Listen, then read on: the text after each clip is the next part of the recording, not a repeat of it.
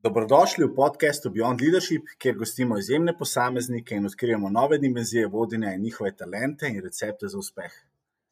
Z nami je danes res en izjemnih posameznikov in mislim, da smo vsi trije, oziroma vsi štirje, danes v našem studiu zelo, zelo ushičeni, da ga imamo.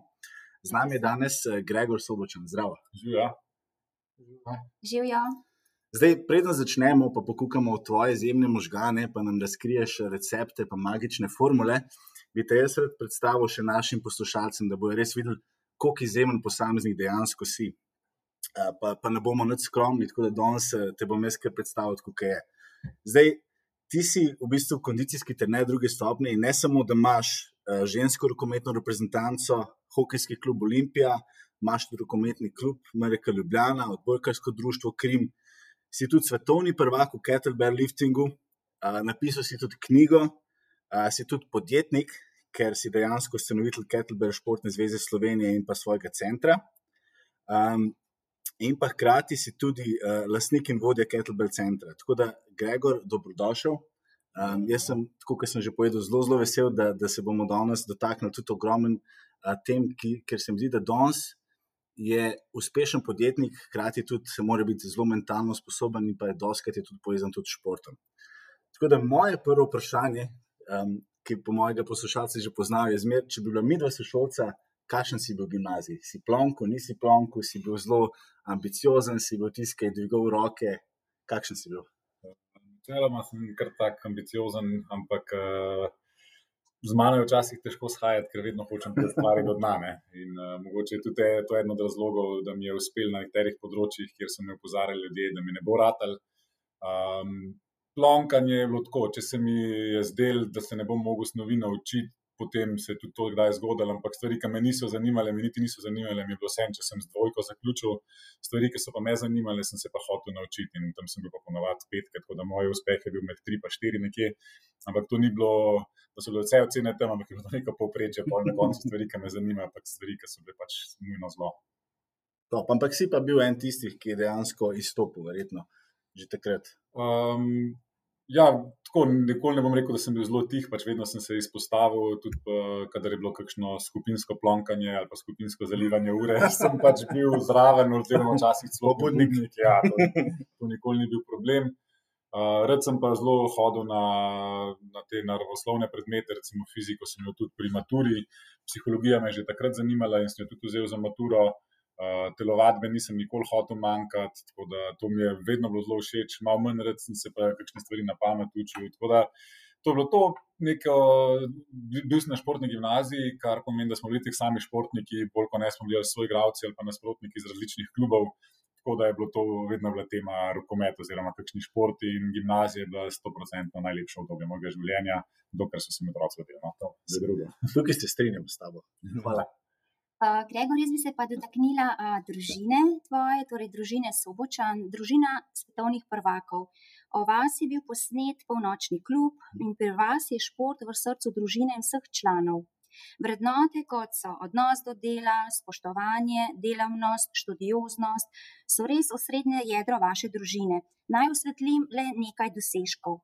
Tvoj naziv svetovnega prvaka, rekord v Džrku 2x32, 120 ponovitev, kar nanese 7 ton 680 kg v 10 minutah.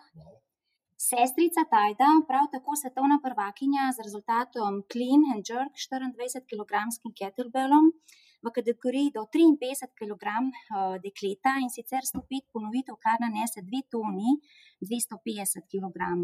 Tudi večkratna državna prvakinja v tekvandoju. Brat Anže, večkratni prvak, pred nekaj dnevi je tekel na tekmi 120 km ultramaratonski gorski tek Savinja Cel je 15 ur pri 31 stopinjah. Mamica Lijana, zdaj babica štirimi vnuki, še vedno naredi lateralni počep na eni nogi. Da ne omenjam žene Kristine, ki tudi po dveh porodih naredi še vedno mrtvi dvig, 135 kg in še več, nekoč celo v visokih petkah. V vaši družini vaši družini res opazimo, da je šport prisoten skozi vse generacije, longitudinalno, vse čas in še več. Vsi imate tudi ta talent poučevanja, ta, to moč športa prenašate na sledilce, tako na rekreativce, vrhunske športnike in to moč prav usadite uh, človeku v srce, če tudi nikoli ni bil prej športnik. Rečem, to, je, to je res. Um, zdaj, kako Tajda in ostali delajo, se to jih ne bi spuščal, ker vsak od nas je precej različen, vsak ima pač tudi svoje misli, ki jih ne pove ostalim. Recimo, smo povezani na eni strani, po drugi strani pa vsak po svoje vleče.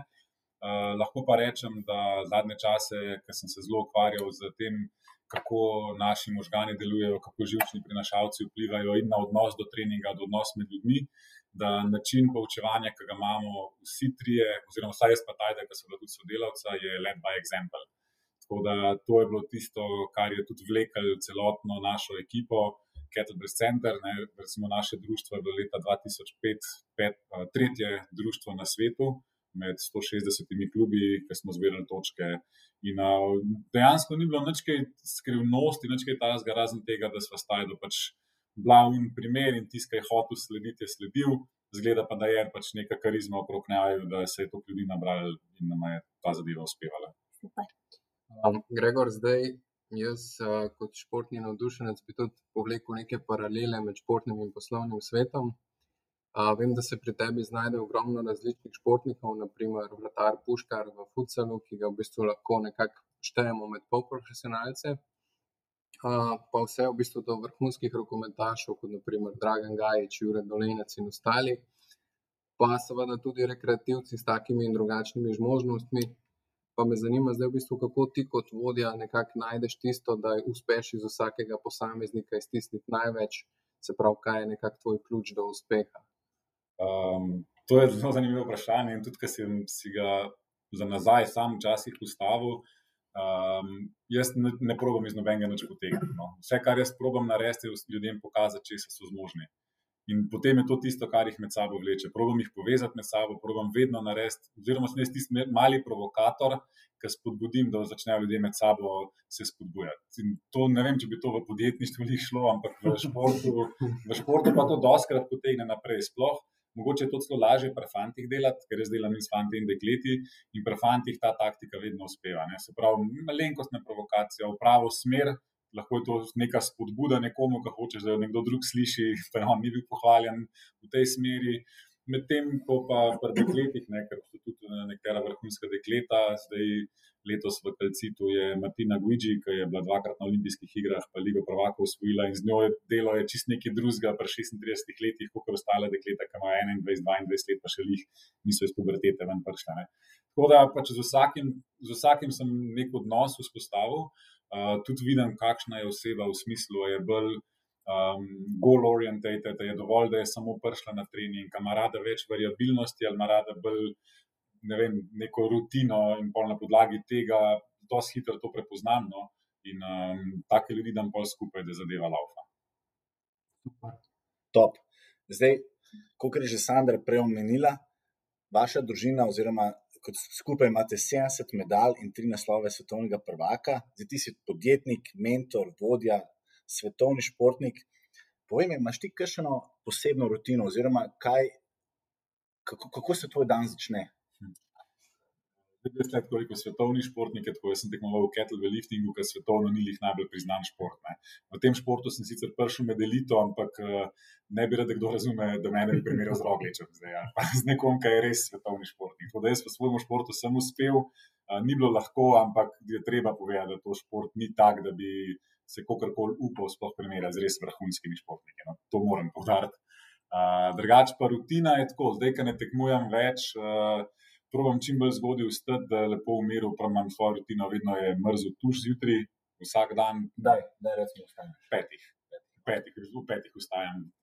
Dobro, kakšen vikend malo potegnem, da se nabere vsega tega. Ja. Prav dolgo ne spim, no, ker moje telo se kar zbudi ne, in da lahko se grem budilko predstavljati, ampak jaz bom po koncu. Um, zato, ker tudi dosti zgodaj začnem že z ljudmi delati in hočem to rutino, preden se otroci zbudijo, opraviti. Se to je ponavadi kakšen zajtrk, pa ta hladni tuš, to je zdaj vsak dan je rutina že ratela enkrat na teden, ko mrzla kopel. Um, zajtrk ne smem spustiti, ker drugače sem nervozen. to je groza in zajtrk mora biti. Od tam naprej pa odvisno, kdaj začnem delati. probam res si organizirati dan, da otroke jaz pospremim v šolo, pa vrtec, to mi je zelo pomembno. Pač včasih gre, včasih pač ne gre, zaradi službe, drugega izgovora ni. Um, zdaj, ko ne treniram, je vsa energija usmerjena v druge stvari. Ne. Prej, ko sem pa treniral, sem pa zelo, zelo rad imel svojo rutino in takrat uh, si bil bogi un, kam je mešal štrene. No, to se tudi moja žena dobro zaveda, da je bilo zelo težko shajati, ker bliže, da tekmo, ah, mislim. No. Ampak, Ampak kako recimo uh, handlaš različne vloge tega, da si v bistvu podjetnik, lastnik, uh, Kettlebell centra, da si dejansko predsednik Kettlebell športne zveze Slovenije, hkrati imaš pa še ogromen profesionalnih klubov, ki, kjer si kondicijski trener. Zdaj, uh, ta športna zveza Slovenije, to meni brez tistih, ki so mi pomagali, nikakor ne bi uspel in zadnje čase je celo zapostavljena malo, ampak to sem mogel dati na stranski teren, eno stvar sem mogel dati na stran. Um, družino, tle si res vzamem čas, probujem biti čim več z ostalimi, kar se tiče pa mojega dela, je pa tako. Jim je zdaj že na tem nivoju, da lahko dosti brez mene laufa. Uh, sploh ta skupinska rekreativna vadba, imam res odlične trenere, ki mi pomagajo, pa tudi žena Kristina naredi ogromno enega dela, ki sem ga prej jaz upravil, tako da mi je tle zelo olajšano. Kar se tiče pa športa, je bilo pa na začetku ful težko, sem se res lovil, ker to v športu je od, ne vem, prvo odbojki 12, prvo kometu 16 do 18, pa lahko kar 30 igralcev, ampak uh, sem potem uspel vzpostaviti neko pomaga mi neka aplikacija, ko imam na telefonu, kjer imam vse na enem mestu. To je bila že prva stvar, ki mi je zadevo rešila. Je pa tako, da vsako nedeljo res vstanem zgodaj zjutraj, ne vem, petih in pol od šestih, ko se začnem delati, pa da ne dvanajstih, in naredim vse plan za cel teden naprej. Ne. Napišem vse treninge, analiziram, kaj se je dogajalo. Tako da večino tega naredim v nedeljo, takrat pa ostali še spijo in pol, ne vem, tam še tistih 20%, kaj treba nekega prilagajanja in ostane preko tedna. Super, uh, da smo si tukaj zelo podobni, ker sem tudi oseba, ki je v nedeljo si pripravil plan za cel teden naprej. Dobro, hvala. Jaz bi se pa tudi dotaknila tvojih rekordov, ne glede na to, da si rekel, ampak en odstotek ljudi na svetu doseže naziv Master of Sports International Class. Ja, in ker vsi naši bravci in tudi poslušalci ne poznajo športa, kettlebell liftinga, morda tako potankost, te bom vseeno prosila, da boš mogoče osvetlil tvoje rekorde oziroma koliko truda je bilo to vloženega. Jaz bom pa za poslušalce tudi izpostavila nekaj tvojih rekordov v Džrku 2x32, torej 120 ponovitev. Potem v sneču 32 kg 164 ponovitev, v sneču 30 kg 201 ponovitev, potem sneč 28 kg 213 ponovitev, sneč 24 kg 241 ponovitev in long cycle tehnika 2x32, kar 66 ponovitev.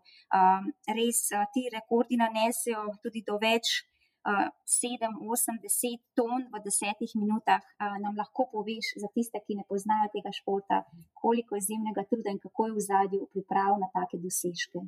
Zdaj, tako Master of Sports International Class je mogoče lih mal um, preveč specifičen izraz za ta kettlebell lifting postal ker a, to je naziv, ki ga lahko dosežeš v katerem koli športu v Rusiji. In to pri njih je tako rangirano. Ne? Recimo pri nas se reče športnik A kategorije, pa šahu je vele mojster, v Ameriki ima neke svoje, v Rusiji si, si pač mednarodni tekmovalec. In to je pač najvišji nivo, ki ga dosežeš. In zdaj, marsikdo, ki je kettlebell dvigoval, je hotel doseči neko številko, s katerim bi postal Master of Sports International Class, ampak to tako ne gre. Ne, vsi ti rezultati, ki sem jih jaz naredil, so dejansko potrjeni z uh, strani Ruske federacije. Jaz sem mogel v Rusijo in te rezultate tam narediti. Tako da um, to mislim, da res nobenemu drugemu evropejcu ni uspelo. Um, zelo blizu sta prišla dva američana. No. Uh, ampak naziv, samo ime, to lahko tudi rokometaši, lahko master of sports, plavalci, lahko master of sports, tudi international class. Ne. To pomeni, da si na nekem velikem tekmovanju dobil medaljo in tako priješ do tega naziva. Sami rekordi, je pa ja, dolgo je trajalo, dolgo je trajalo, da sem to dosegel. Um, mogoče sem v tem športu malo predolgo ustrajal, ampak me je zelo, zelo me je vlekel to naprej, zelo sem hotel doseči neke številke. In bolj, kar sem jih dosegel, sem videl, da za naslednji korak, da bi direkt z Rusi konkuriral, bi mogel zelo spremeniti tudi svoj odnos do svojega telesa, do športa. In tam sem pač zadevo zaključil, ker sem videl, da po tej poti, kot sem jaz delal, več ne bo šlo. Um, je bilo ja, truda je bilo zelo velik. Uh, imel sem srečo, zato ker sem v rokometu imel dobro bazo narejeno. Jaz sem zelo rad, vedno sem rad treniral, to, to mi je šlo, tudi fizična priprava mi ni bila tuja. Uh, trpljenje, tisto pod uh, laktati, ko že vse peče, pa je težko. To sem se navadil, ne? to je pač neka, neka spretnost, ki jo moraš obvladati. Da takrat, ko rata težko, dejansko, če malo pritisneš, rata lažje, medtem ko nekdo zna odnehati. In to so bile doskrat tiste prelomne, prelomne točke. Um, pa psihično sem jaz relativno močan bil na tekmah. No, to me nikoli ni ustrašilo, zato ker iz rokometa je bilo. Meni se je zdelo več pritiska na rokometu, kot ko sem ketle dvigal. No. Tam sem bil sam, odvisen od sebe in sem videl, če sem se pripravil, bom dobro naredil. Če se pa nisem pripravil, pa itak sem vedel, okay, pač nisem pripravljen in ni bilo nobenega pritiska, sem naredil pač nek trening. In, uh, v zadnji je bilo veliko, lahko povem, da sem zamenil ogromen trening partnerjev, ker sam sem zelo težko treniral in sem si skozi nekoga mogel najti, da je z mano treniral, vedno sem mu dal primerno utež, da sem videl, da je lahko on boljši od mene in pa sem ga probil zmagati. Vsak trening je bila tekma, veliko folk ni z mano držal, trening partnerje sem menil, ampak to je tisto, kar sem pol prišel na tekmo, mi je bilo isto kot trening, oziroma celo lažje, ker sem bil spočit. Ja, nam samo piš. Um, kako pa to zgleda, ko si ti pripravljaš na eno tako tekmo? Kako to pomeni treningov na, na teden oziroma na dan, kako je s hrano, kako, je, kako se mentalno pripraviš? Ja, kettlebell je individualen šport, ne? 10 minut traja disciplina, tako da je potrebno veliko kondicije, ne? tako kar treba izdržati, ker to se dela na visoki intenzivnosti, na visokih laktatih in treningi so pač temu primerni. Zdaj, to je intervalni trening, to je tako kot recimo veslanje 2 km. Ne? In uh, meni tega noben ni razložil, vsi so samo govorili te številke, te številke deli. In jaz sem pa sam začel iz kolesarstva, pa iz veslanja ven vleč treninge, ki so zelo podobni temu, in sem jih pretvoril v treninge kettlebell liftinga. Da, to so bili vedno intervali, dolgi od 2 do 5 minut, približno, pa sem jih sestavljal, malo pauze zraven, da je malo sem iskal načine, kako bi se zamotil med samimi treningi, da ne bi bilo skozi eno in isto. Ne. To sem tudi pol v svoji drugi knjigi, ta konjugiran sistem, kjer gre za neko povezavo med različnimi vajami, ki ti še zmeraj dvigujejo puls, in potem, ko prihajaš bliže tekme, bolj se specializiraš. Ne? Tako da nisi non-stop na isti vaji, ker te lahko mentalno že zmatrano. Tako da to je tako zgleda, kar se prehrane tiče. To, kar sem bil off-season, je to, nisem kaj pazil na prehrano. Uh, jaz sem vedno tekmoval do 85 kg, tako da sem vedel, če jih bom okrog 87 imel v trenažnem procesu, na 3 kg ni problem dol dati. Uh, pri kettlebell liftingu je ponovadi tehtanje en dan prej, tako da to je res najmanjši problem. No. Priješ na 94,9 kg in pol na tekmih imaš spet 97. Uh, je bilo pa zadnjih 14 dni ali pa 3 tedne, ker je bilo pa treba malo rezati, pa da ti ustaje energije. Takrat sem imel pa ja, bolj kot ne stehtane vse stvari, že tako hrano, ki sem jo jedel, potem so pa tle še tisti dodatki, ki so pomembni, da ti jih malo pomagajo pri regeneraciji, se pravi, kakšne aminokisline, potem uh, med treningom razni izotoniki, ker ogromen znoje gre, tako da to sem pač vedel, koliko tega lahko pa moram popiti da bom lažje naredil trening, pa predvsem se regeneriral. No, se na koncu je regeneracija tista, ki določa količino treninga. Omenil si že sam prej, da v bistvu neko tekmovalko, ki ima 36 let, predvsej drugače trenirati kot nekoga, ki je na začetku karijere. Ne? Ja. Um, meni osebno iz sveta nogometa je en zelo ljub citat: Včasih si izgubil tekmo, pa si hotel razbiti garderobo. Zelo pa zgubijo, pa naredijo selfije. Ja, generalno, da to znajo. Eh, me zanima, kako ti nekako vidiš te razlike med generacijami, pa kako se v bistvu pol tudi kot vodja temu prilagodiš. Tem sem imel težavo na začetku, ko sem obolel, ker sem videl, da naredijo slab trening, slabo tekmo in pa sem pogledal telefon in že selfije iz garderobe in to me je zelo motilo. Ampak eh, prvo leto, ko sem bil v športu in tudi s trenerjem v odbojki, ki smo skupaj sodelovali, smo se ogromno s tem ukvarjali in je šlo samo na slabo. Izgubljala svojo energijo, s temi stvarmi, ki praktično nimamo kaj vpliva. Tako da potem, ko sem govorila, ne Instagram, ne to, ne uno, ne tretje, so samo to slišali. Tudi da sem probala zapolniti glavo, ne, ampak to res sem probala zapolniti glavo z informacijami, ki so za njih pomembne. In sem govorila samo o tiste stvari, o katerih pa ne bi razmišljali, se pravi nasprotnik, pa prehrana, pa to, pa un, pa tret. In zdaj to, da se bojo fanti v punce še slikali, da se bojo, se to vse bolj dostopno. Ne? Takrat tega tu zelo tudi ni bilo telefona, s katerim si lahko naredil selfie. Uh, zdaj pa to s tem, kar se promovirajo in to so krivi tudi mečkan klubi, ne? ker če pogledamo um, klube zdaj, kaj zahtevajo od svojih igralcev, promovirajte se na Instagramu, promovirajte naš klub na Instagramu. Ja, če že imaš telefon, pa narediš še selfie, naredi si dober trening, pa fanti sploh, ker se jim six-pack vidi, pa ga objavljajo. Zdaj, pri dekletih se pač rade malo lepše oblečejo, vidite, so športnice, njihova telesa so drugačna in poli stle ven pokažejo. Tako da, polka to sprejmeš, meni se zdi, da je to pač nekaj normalnega, kar je v teh časih. Proti temu se je zelo težko zdaj boriti, pa tudi ne vem, zakaj bi se eno. Super, jaz bi še nadaljeval mogoče s tem vprašanjem. Um, vidim, da so kar precejšnje razlike mogoče med ženskami in med moškimi. Pa me zanima, kako ti pol to nekako uspeš stalno balansirati, ta pristop, da res tudi pač glede na spol iztisneš maksimum iz posameznika iz ekipe. Jaz vse, vsake ekipi, ki jo treniram, obljubim, da takoj, ko je liga konc, začnemo delati za postavo pri dekletih. Prav, le, jaz, jaz rečem, bomo zdaj trenirali tako, kot bom jaz rekel, da tega tudi dobro igrali, ker v državne prvake ne bomo točke naprej delamo beach body. so full vesele. Pri fantih pa, pa ni tak problem. No, sploh, uh, mislim, da belka si na visokem nivoju, motivacije več ni problem, oziroma ne sme biti problem, ker to so že tako stari igravci, oziroma starejši, da vidijo, da gre tle za njihovo dobro. Um, da bojo, če se bojo poškodovali, so najslabši igralci na tekmi, ker sploh ne more stopiti na igrišče. Potem eh, regeneracija po poškodbi bo del časa trajala. Jaz jih pač probujem v to smer malo izobraževati. Mlajši, ki je igralec, več mu moraš to govoriti, starejši, ki je igralec, pa to bolj pa ne se že sam zaveda. No. Tako da jaz res se probujem čim manj ukvarjati s tem, da bi nekoga prosil, da trenira. Ne pač to tako je. Zdaj je pa tako, če nekdo pride sam k meni, ti igravci, ki pridejo iz reprezentance ali ki sami pridejo, ki dejansko ti morajo plačati trening, oni vejo, zakaj so tam. Ko si pa ti dodeljen nekemu klubu, praktično vem, od 18 igralcev, dvema si všeč, vsem ostalim si pa to besedno porinjen noter v trenažni proces. In zdaj nekatere to sprejmejo, nekatere to ne sprejmejo. Jaz sem se tako odločil, da pač sem delal to, kar najbolj delam, pogovorim se tudi z vsako, kaj paše, probujem večkrat prilagoditi, ampak ne odstopam preveč od svojega. Vsak igralec, ki rečem, če ji kaj ne paše, ima tudi lahko si svojega trenerja, lahko gre drugam trenirati. Tako da, da bi se res ukvarjal s tistimi, ki jih moti, bi izgubljal ogromno energije na način, če se to ne bi mogel popraviti. Deva se še malo navezati. Ti imaš ogromen nekih mladih talentov, pa tudi starejših talentov, kot sebe, ogromen si jim že pomagal do uspeha. A znaš ti prepoznati, uh, kaj so recimo dobre lastnosti v nekem mladem talentu, da bodo uspel? A znaš v bistvu kar videti, nek, je to neka ustrajnost, ali je to magična formula. A znaš, imaš že to izkušnjo žilcev, da rečeš, tega, tega pa vem, da bo uspel, ker se mu že vidi, ima to iskrco v očeh. Tu bi fulno rekel, da ja, ne, ne morem, tega, ker je toliko velik faktorjev tega pomembnih prvo, more, more biti talent, se pravi, mora biti skoordiniran. Je zelo težko ene stvari, kot trener, narediš malo, že tako je prišel izobražen, kako se do svojega telesa obnaša, je velik plezov. Ne, če samo v neko specializacijo šel, pa ne veš, čisto točno je že zaradi tega specializacije mogoče izstopa, pa ga bojo pol ostali ujeli ali ne. Um, ogromno je tudi sreče, odvisno, da te v pravem trenutku nekdo vidi na neki tekmi, pa mogoče sploh ni prišel tebe gledati. To se je zgodilo že s parimi rokometaši. Prišel se lektor gledati enega igralca, pa nekdo drug eksplodiral na neki tekmi, o katerem se sploh ni govorilo. Ja, ja. Tako da vidi se pridnost, eh, lahko nekomu napoveš, da s to pridnostjo bo svoje fizične sposobnosti izboljšal.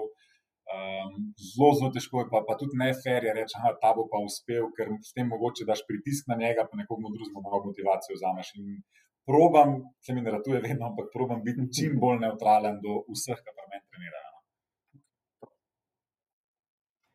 Jaz bi se pa rada dotaknila še eh, drugega tvojega talenta, to je talent pisanja.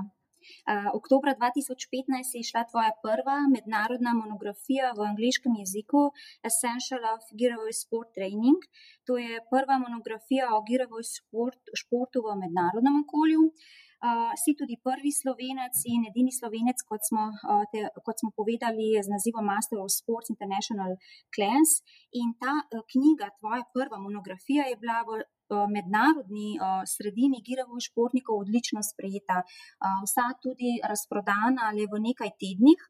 Impresivno je bilo takrat uh, tudi spremljati odzive na družbenem mrežu Facebook, ko so bralci iz vseh kontinentov pisali zahvale, odlike in refleksije. Uh, to res tudi pri uh, pisateljih, ne klasike oziroma klasične literature, uh, redko, a ne res zasledimo tak uh, impresiven odziv, uh, ki je v meni še vedno tako živ. In nam poveš nekaj o tem, o prvi monografiji in spominih na to prvo. Tle bi sam popravil, taj, da je tudi Master of Sports International Class. Ne? Nisem edini slovenc. ja, ja, taj, da je tudi. Um, ostaje v družini. Ja, ja ostaje v družini. Ja. Uh, knjiga je pa tako nastala. No, jaz sem jaz sem uh, svojo organizacijo, ta EGSA, se pravi. Najprej se je imenovala European, ampak pa je bilo, so hoteli tudi iz drugih kontinentov, tako da sem jo v Elite Gilevo Sport Association preimenoval. In sem na začetku je bilo to tako, naredil sem nek, uh, kako bi temu rekel, nek manual, 16 strani, kjer so bile informacije, ki so jih mogli znati. Pa mi je bilo pol mečkan že sram, da to iz roke, ker tudi nisem tako zelo malo za to računal. Pa smo naredili najprej pol eno tako vezano knjigico, pa je iz tega ratelj pol 50 strani.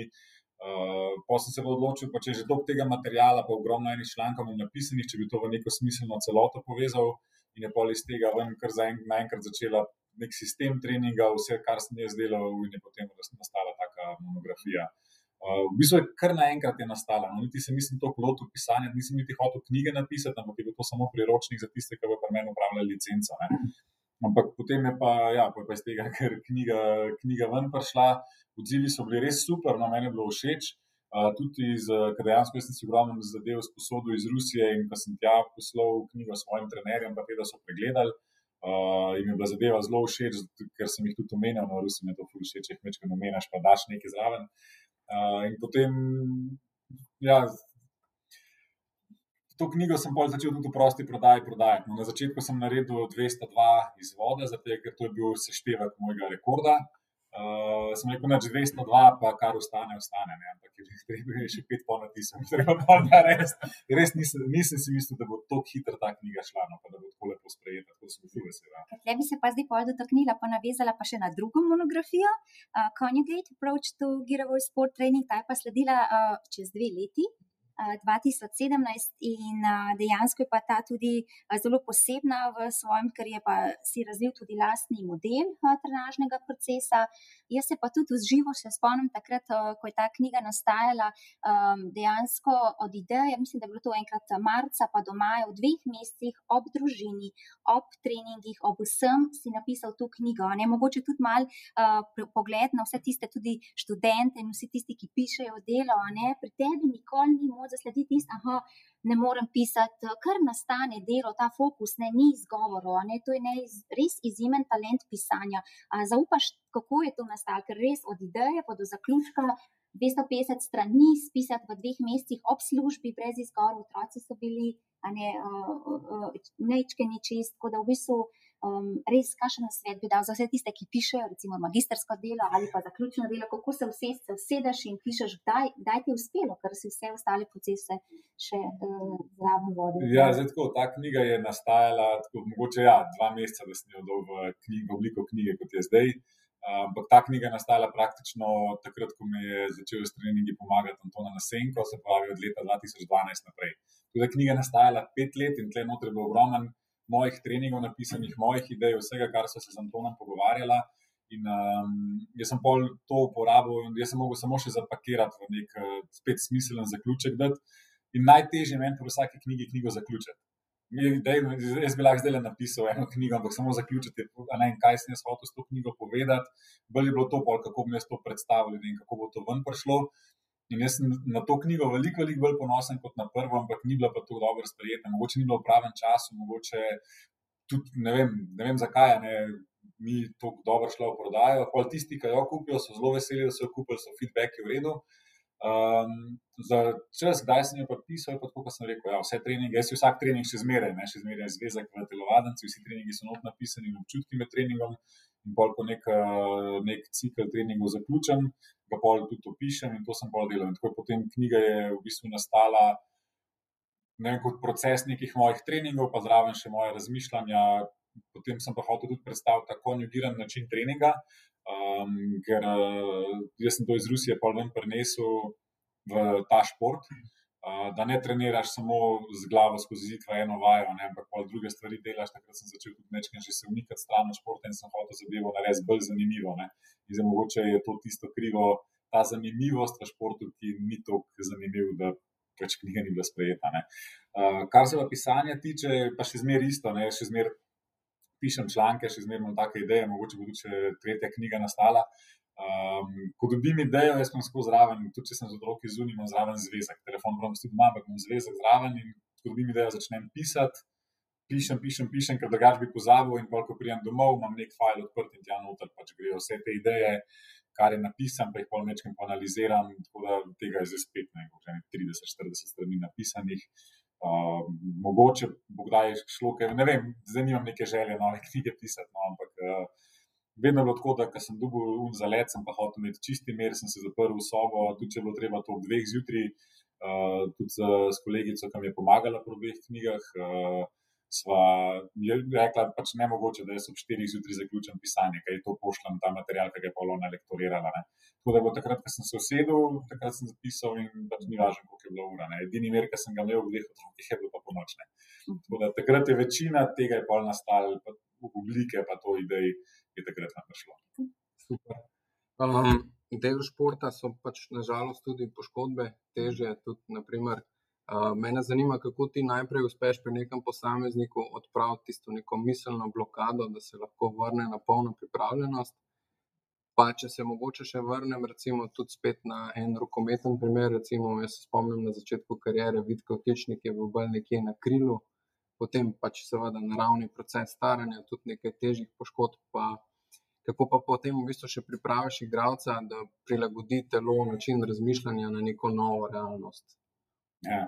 Um, zelo dobro odgovor na to temo je dal uh, Dimitrij Klokov, ko smo imeli sportcamp v Rusiji. Uh, Bil on je pač weightlifter, ne dvigalec v teži, ampak je, takrat mi je dal res dobro zamisliti. Desetdnevni kamp je bil in je rekel: Fante, zdaj ste se naučili marsikaj o treniranju, morate se navaditi nekaj v poškodbah če se mi zavedamo, koliko časa traja, ko si poškoduješ mišico, da se nazaj vrneš. Ne? In smo vsi pač rekli, da je odvisno poškodbe, ampak v parih tednih si nazaj. Rekel je, dobro, kaj pa, če si zlomaš roko, ne koliko časa traja, pa smo spet rekli 3 do 5, 6 tednov. Rekel je, ja, pravilen odgovor, kaj pa, če si tetivo poškoduješ, ne? strgaš, pa smo rekli 6 do 8 mesecev. Rekel je, ja, super odgovor. Ne? Kaj pa, če v možganih se poškoduješ, v smislu psihološko padeš, ne? smo bili vsi tihi. Ker reko, no, gremo od začetka, ker si poškoduješ mišico, greš fizioterapeutu, zlomaš kost, daš gips, strgaš vez, greš na operacijo, kdo gre pa psihologu. Ne, in pol na koncu koncu je psihološka tista blokada, ki jo je treba odpraviti. Pa, zato so športni psihologi tle tudi sam, ne vem, jaz hvala Bogu, takrat, ko sem tekmoval, nisem imel nobene poškodbe praktično. Zgodila se mi je ena pol, ampak jaz sem imel čas, ko sem hotel, da sem jo, da sem jo rešil. Zdaj, igravci, ki so večkrat starejši, oziroma po prvi poškodbi, se začnejo zavedati minljivosti svoje in takrat začnejo delati več na preventivi. Pač probajo več narediti, da bi čim bolj zmanjšali možnost poškodbe, zato ker praktično preprečati jo ne mogoče. Ne? Tudi če si ne vem, koliko fizično dobro pripravljen, lahko pride do mehanske poškodbe, nekdo ti pade na nogo in ti si treniral kot kon, pa se je to zgodilo. Ne? Lahko je, ne vem, pri dekletih so zelo pripravljene en dan pred menstruacijo, ko se je skupaj bolj rahlo, čuden pristane, pa gre križna vez. To je pa problem pri prehajanju nazaj, kdaj bo ta blokada šla. Zdaj, takrat, je, takrat je treba res, ko vsi zdravniki damo, pa fizioterapeuti, vsi damo zeleno luč, pa kar pri meni, kaj pokažemo ali pa mu pokažemo rezultate, le zdaj si na takem fizičnem stanju, kot si bil pred poškodbo.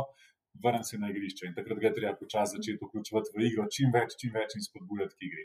Tako da, če bi pa tle obstajal nek recept, bi bilo pa kar milijon dolarjev. Da, še malo dotakniti um, tvojega vodenja v smislu, kaj je te pomembno, ko sestavljaš ekipo, pa se deva zdaj dotakniti tvojih treh, recimo, različnih vlog. Eno je kot lastnik in vodja Kettlebell centra, ko si sestavljal ekipo, da, to, da ti bo pomagala voditi, potem druga je, ko si uh, ustanovil in postal predsednik Kettlebell zveze Slovenije, hkrati pa potem pri različnih klubih, kjer si kondicijski trener, pa verjetno tudi s trenerjem, potem sestavljate prvo peterko oziroma prvo sedmerko. Um, kaj je tebi, recimo, pomemben, ko sestavljaš ekipo? Vem, da je to tako, da se kar zgovori. Ja, ja za, kar se tiče, kar se zveza, dejansko je politična, politični organ. Najrajši ne bi bil predsednik zveze, najrajši ne bi imel s to zvezo nič, kot kar treninge delo. Ampak takrat je pač tako, tako je mogel biti, pač mogel si znati rusko govoriti, mogel si dati z Rusi tudi komunicirati, ker z njimi je sploh v športu to še na pol neandertalno, no, to katastrofa. In pa sem bil jaz nekako postavljen v to vlogo.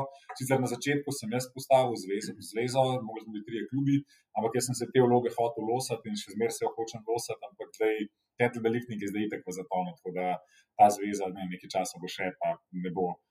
Ne, vem, ne vidim tudi jaz nič več, ne delam za to zvezo, zdaj kakšno izobraževanje bomo še naredili, ampak to, to ni zadeva, kar jaz hočem delati. Pravi, ne delam z veseljem in pač sem se odločil, da to ne bom delal. Če bo kdo prevzel, super, bom vesel, bom pomagal. Pri izobraževanjih, pri tem materialu tega najdem ogromno, pri samo vodenju, pa kaj enkrat papirologija zraven, sem pa bolj zraven, zraven ker je slab za organizacijo. Um, kar se tiče Kettlebell centra, na začetku brez tajne ni šans, da bi to sploh šlo, ker je skrbela za internetno stran, skrbela je za organizacijo, pa odnos s strankami, Uh, spet, jaz sem bolj skrbel za treninge, jaz vedno sem perfekcionist glede treningov, no, tle res ne popuščam, ne pustim noč na ključju, čist noč. Um, zdaj pa Tajda ima svojo kariero, ne tudi svojo družino, tako da, tako da zdaj imam drugo ekipo v telovadnici, mi žena ogromno pomaga, se pravi, ogromno to, kar je papirologija, administracija na njej. Imam dva trenerja, brez katerih bi tudi zdaj zelo, zelo težko s folgov, sploh te rekreativne vadbe, ker bi mi preveč časa to pobrali. Um, Jaz pravim tako voditi, no, da dam neke ideje, kako bi pa zadevo skupaj rešili. Rad vidim, da lahko razdelimo vloge med tiste, ki te stvari znajo delati. Ne, spet, jaz bi lahko bil sam v tem džimu, lahko bi bil tudi po 12 do 16 ur na dan, pa bi džim slab šlaufal, pa še ne bi imel časa za sebe. No. Tako da pač res probujem dati tistim stvari, ki to znajo delati. No. Zdaj, mogoče so v kakšno stvar še preveč upletan, ker je dejansko džim moj. Pa bi tudi rad videl, da bi bil džim od vseh, da bi tudi to vlogo videl da bi skupno delali za, za, za ta telovadnico ali kako koli bomo videli, kako bo šlo to naprej. No. Um, kar se tiče pa v klubu, ja, je pa tako, da bolj na začetku priprav meni glavni trener pušča vse. Praktično mi zdaj že vsi v vseh klubih, v, razen pa hoke, ko sem prvo leto, no, ampak v vseh ostalih klubih mi 100% zaupajo celotne priprave, potem pa bolj, ko se bliža liga, več je sodelovanja, več je pogovarjanja, manj imam jaz vloge, sploh pri tej fizični pripravi, bolj gre tudi za to, ko pridejo športniki k meni, da se po treningu samo dobro počutijo. Ne. Za neko vzdrževanje gre. Tisti, ki se bolj zavedajo tega, naredijo trening malo bolj resno, ostali pa jih pravno tako prepričajo, da jim bo trening samo nekako pospešil regeneracijo, oziroma da bomo uspeli ohraniti to, kar smo naredili v fazi priprav. Uh, sodelovanje s trenerjem, ja, zdaj pri um, odbojki, se slišimo vsak dan, ker pač to je delo z dekleti. To je prva zadeva. Prvič leto smo v situaciji, ki gremo v Ligo prvakov, imamo tudi, ja, hvala, imamo tudi ekipo na papirju, strašno močno, tega se zavedamo mi, tega se zavedajo dekleta, ampak zdaj pa to treba dati na teren. In uh, v zadnjem tednu, ker v sredo, v sredo je prva tekma za Ligo prvakov. In uh, zdaj se začne napetost. Vsak dan smo po eno uro s pomočnikom trenerja, z glavnim trenerjem, pa z vsakimi igravkami, ogromno, ogromno je zdaj tako psihološkega dela. No, tudi ko pridejo na trening, če bi nekdo od odzuni ta trening rekel, rekel pa kva vi sploh delate na treningu. Ne? Ampak mi, kar smo naredili, smo naredili do zdaj, ne? zdaj gre samo za tisto piljenje forme, pa gre za v bistvu dvigovanje forme, ne forma se pa dviguje takrat, ko si spočitne, takrat, ko treniraš. Ne? Tako da, ko se nekako to razume, pol to gre, zdaj pa ne vem, če bo malo sreče, da ujamemo kakšen ta pravi val, lahko naredimo res dobro, ne z, z, z malo smole, lahko zelo hitro izpademo. To bomo pa videli in bomo to pol reševali z dneva v dan sproti. Prav bi pa izpostavil, da je v bistvu komunikacija in s trenerji in z svojo ekipo ena izmed ključnih ja, stvari. Ja, komunikacija je ključ posod. Brez tega se nič ne da zmeniti. Če vsak v sebi nekaj drži, potem ne vem, lahko pride, kaj ta skriva, oziroma zakaj mi tega nisi povedal. Eh, tega mi nismo vedeli, na koncu pridemo lahko do nekega konflikta, samo zaradi tega, ker si nismo ene stvari povedali. Zdaj smo tudi uh, del časa, ko sem z neko ekipo ali pa tako. Bolj ugotavljamo, da prej, ko se stvari razčistijo, lažje tudi jaz prilagodim zadevo. Sploh recimo v rokometni reprezentanci, ko se vidimo enkrat na tri mesece, skupaj smo največ dva tedna, dobro, bilo je izjemno svetovno prvenstvo na japonskem, ampak um, ker nimam stalnega stika z dekleti in tam pol, mogoče se tudi kakšne stvari ne povemo, ne, ne pa slaba volja, zakaj smo to delali, jaz pa nisem imel, da jim zadeva ni všeč. Mm. Medtem, kad dal časa, ko z nekom si, je potem čisto lahko delati, sploh če je iskreno odnosno. Uh, jaz bi se pa dotaknila še uh, tudi uh, študija. Ti si študiral na Omski univerziti, to se pravi, uh, me zanima, če lahko poveš nekaj več o tej izkušnji um, kaj, in kaj ti je dala Rusija, ta ruski šport. Uh, uh, ruski akademiki, kakšna je ta izkušnja? Tam, tam moj Omski univerziti, ne, to, jaz bi zelo rad, da bi tam vsa štiri leta preživel, ampak to je bilo silno prilike narejeno, ker jaz sem na vsak način hotel biti del te ruske kulture in del njihovega sistema, in oni te ne sprejmejo noter, če pač nimaš nekaterih stvari upravljenih. Ne. In ruska univerza, čisto iskreno povedano, je približno na tako visokem nivoju, kot je športna gimnazija Šiška, mogoče malo več bo treba znati. Tako da jaz sem tam vse izpite lahko naredil online, ogromno tega je bilo tako narejeno, da sem bil tam vsega skrb 14 dni. Uh, ni bil to zdaj nek študij ali pa Erasmus ali nekaj tasga. Uh, so bila predavanja vsak dan po 10 ur, pa fizično. Pravi, takrat, ko sem bil tam, je bilo to zelo naporno. Mogel sem opraviti te njihove diferencialne izpite, da sem pol dobil tudi tisto diplomo uradno iz njihovega. Um, praktično tako kot vsi njihovi študenti, ki zaključijo ta faks, ampak jaz to probam ne toliko izpostavljati, zaradi tega, ker vem, da tle ni bilo vse po regalcih. Uh, jaz sem tudi prišel zraven, tako mimo vrste, zaradi uh, Antona Nasenka, ki je blazno vpliven v Omsku in je marsikaj izrihtal. Uh, bilo pa je, ja, vse mogo sem narediti, ne vem, koliko je bilo teh izpitov. Uh, vsi te izpiti, ki so v smislu telesne sestave, biomehanike in vsega tega, in pol specializacije, bil pa kettlebell lifting. No? No, kot profesionalni športnik si igral v odbojko, rokomet, uh, ja. katerega praviš, da ti da disciplino, močno športno podlago. Na to si pa leta 2004 odšel v ZDA. Um, in potem ja. prinesel po teh letih uh, idejo kettlebell športa, uh, športa v Slovenijo, uh, na to pa dejansko popeljal, kot smo že v začetku pomenili, reprezentance vse do prve, tretje oziroma mhm. ekipe na svetu, med več kot 160 ekip. Ta pot zdaj refleksija Rusija, pa potem Amerika, sam večkrat daješ to primerjavo. Kako sta ta dva svetova na to vplivala? Da je bilo zelo hecno, torej, da se vrnemo, kakšen sem bil kot uh, srednješolec. Uh, to moram še zmeraj vsakeč, vsakem intervjuju to omenjam, da sem upravičen knjižničar, ki v gimnaziji Šiška, ker nisem nobene knjige, po mojem, vrnil. Ampak vse knjige, ki so bile na temo športnega treniranja, sem si pa takrat sposoben, že takrat sem vedel, da bom pač čez trener. To, to je bila moja želja in to sem vedel, da to bo. Uh, jaz sem hotel rokomet boljši grad, zato sem iskal knjige, ker pač v rokometu to je bil tak vse popularen šport, samo ni pa to zelo, da bi bilo ogromno raziskav. In sem iskal knjige o atletiki, košarki, odbojki, iskal komponente, povezal, kaj ima to skupnega z rokometom, si pisal treninge, ogromno sem sam sestavljal. Tako da že tam sem videl, da, bo, da je to to, kar hočem delati. Videl sem, da imam žilico za iskanje nekih informacij, pa potem tudi uh, analizo teh informacij, pa sprocesirati sem jih znal. Um, V rokometu sem bil tako srednje, srednje dober igralec naše lige.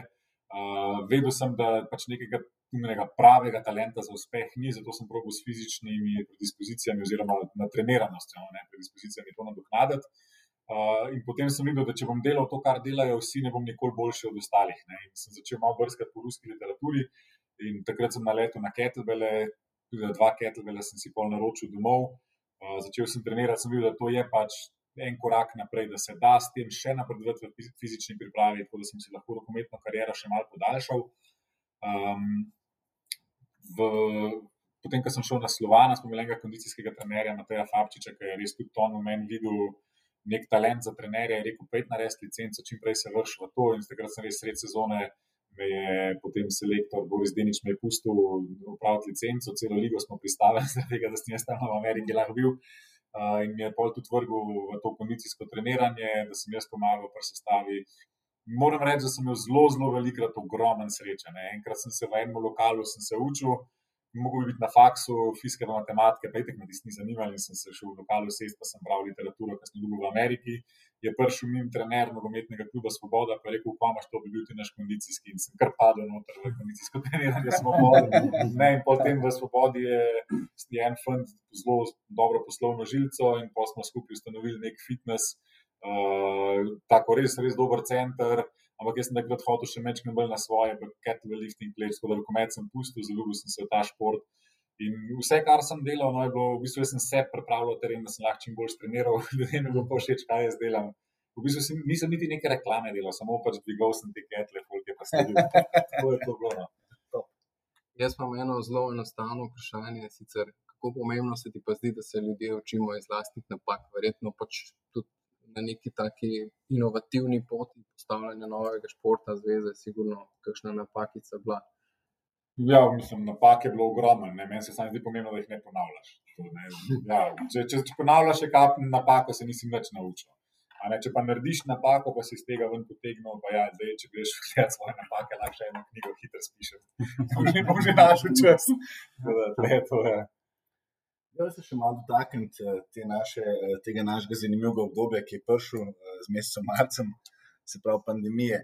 Kako je pa to vplivalo na, na, recimo, na te kondicijske priprave raznih ekip, na tvojo vlogo, um, ena na ena, tudi kaj imaš z ogromnimi športniki? Bilo je težko, zato, ker nismo vedeli, koliko časa bo trajalo. Naj, to bil najhujši del, najtežje je bilo to, pač, ker res nismo vedeli, se bo liga sploh še nadaljevala, potem bomo lige zaključili, se bo odigrala prvenstva, bojo olimpijske igre nič se ni vedeli in tle je bilo zelo, zelo težko. No. Potem pa, ko je začela. Ko je začelo vse skupaj malo popuščati, jaz, sem, jaz imam uh, tvoj gim registriran kot šport, ne kot fitness center, tako da sem lahko malenkost prej začel delati v ostalih z športniki, z rekreativci. Uh, in z vsemi športniki ja, je bilo pol uh, isto vprašanje, vedno, koliko časa bo to trajalo. In zdaj, ja, bomo mogli se vrniti hitro na igrišče, lahko naredimo dejansko prav bazične priprave. Ne? In pol, ko je bilo pa jasno, da športa več v smislu igranja ne bo, lige ne bo, lige je konc, da bo treba za nekaj trenirati. Smo pa naredili res tako dober plan z vsemi športniki, smo se skupaj zmenili, kar zmešal sem skupaj od Lukaša, rokometaša, vse sem dal na kup in smo delali neko tako bazo znotraj treningov, smo delali razne tekance, bila so ta primerjanja. Tako da smo vsaj iz psihološkega vidika, so oni radi prihajali na treninge. To, to je bilo najbolj pomembno. Mm, dotaknila bi se še enega tvojega talenta, poleg pisanja, pa tudi predavanj. Vsa leta redno predavaš, si vabljen predavatelj na mednarodnih in domačih kongresih, in pa tudi domačih tujih univerzah. Lahko izpostavim samo pred leti, si bil vabljen predavatelj na vodilnem svetovnem kongresu v Dubaju, tam dobil tudi ponudbo, da bi z družino ostali, vendar ti ostajaš zvest Sloveniji. Tudi Kettlebell Center je skozi vso to zgodovino razvoja športa postal in je še vedno zipka kettlebell liftinga športa v Sloveniji. Ni skrivnost, da so na zidovih ne, telovadnice, podpisi uglednih svetovnih prvakov, ki si jih povabil v Slovenijo, Ivana Denisova, Ksenija Dedukine, Mihajla Kuklijeva, kot zanimivost, to so vse tvoji eh, osebni prijatelji. Mihajl Dvignik, če imam prav spomin po podatek, je njegov mrtvi dvig 417,5 kg. Res se družiš in izmenjuješ znanje z izjemnimi kolegi, športniki v svetovnem rangu. In zaslediti je, da vedno tudi svojim sledilcem. Um, Vedno želiš ponuditi čim boljšo učno izkušnjo, uh, res kakovost v vseh procesih. Kako zdaj, še danes, recimo, bom rekla, gledaš na vse te trenutke? Ja, te prvič, ko sem povabil enega Rusa k sebi, to je bil Antona Nasenko, s katerim smo pol postala res izjemna prijatelja, jaz sem bil tudi pri njemu, dvakrat sem vrnil obisk.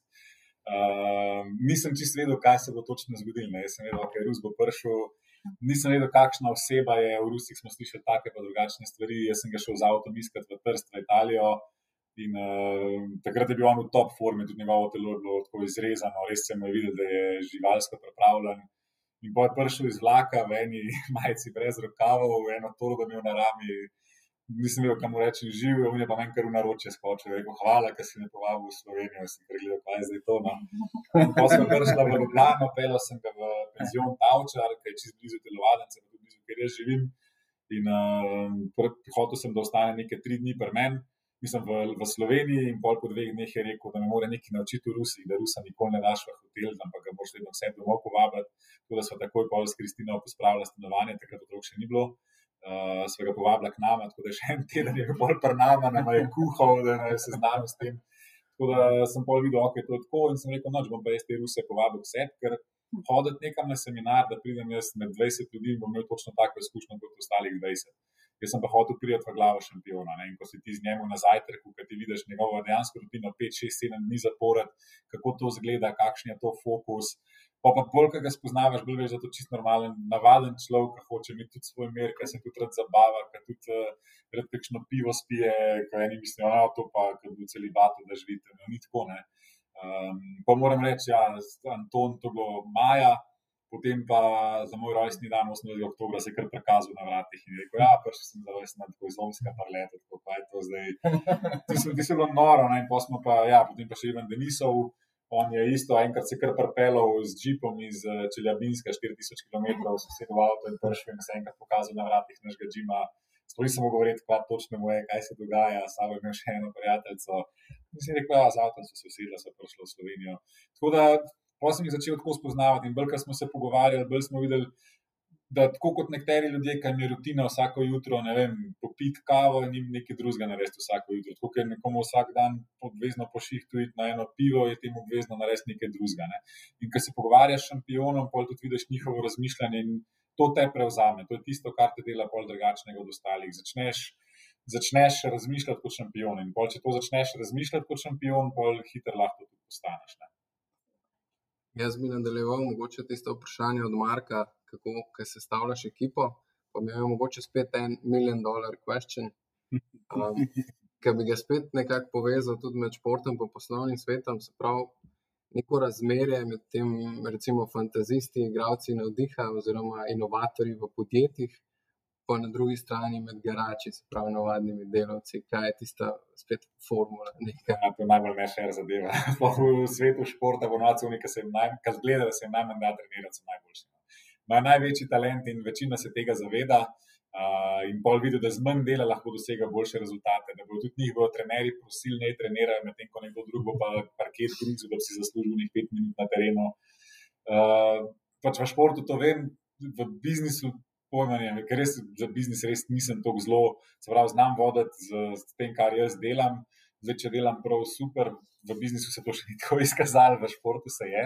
Um, vedno mislim, da, tako, da se je treba izobraževati, da je treba vsako stvar podvomiti, da, da je treba vsako stvar tudi sprobati, da je treba s čim manj škode, ne, da ostalim, če se narediš mečken škode, ok, ne, da če si se iz tega nekaj navadil, super, če je ratelj iz prve še toliko boljš.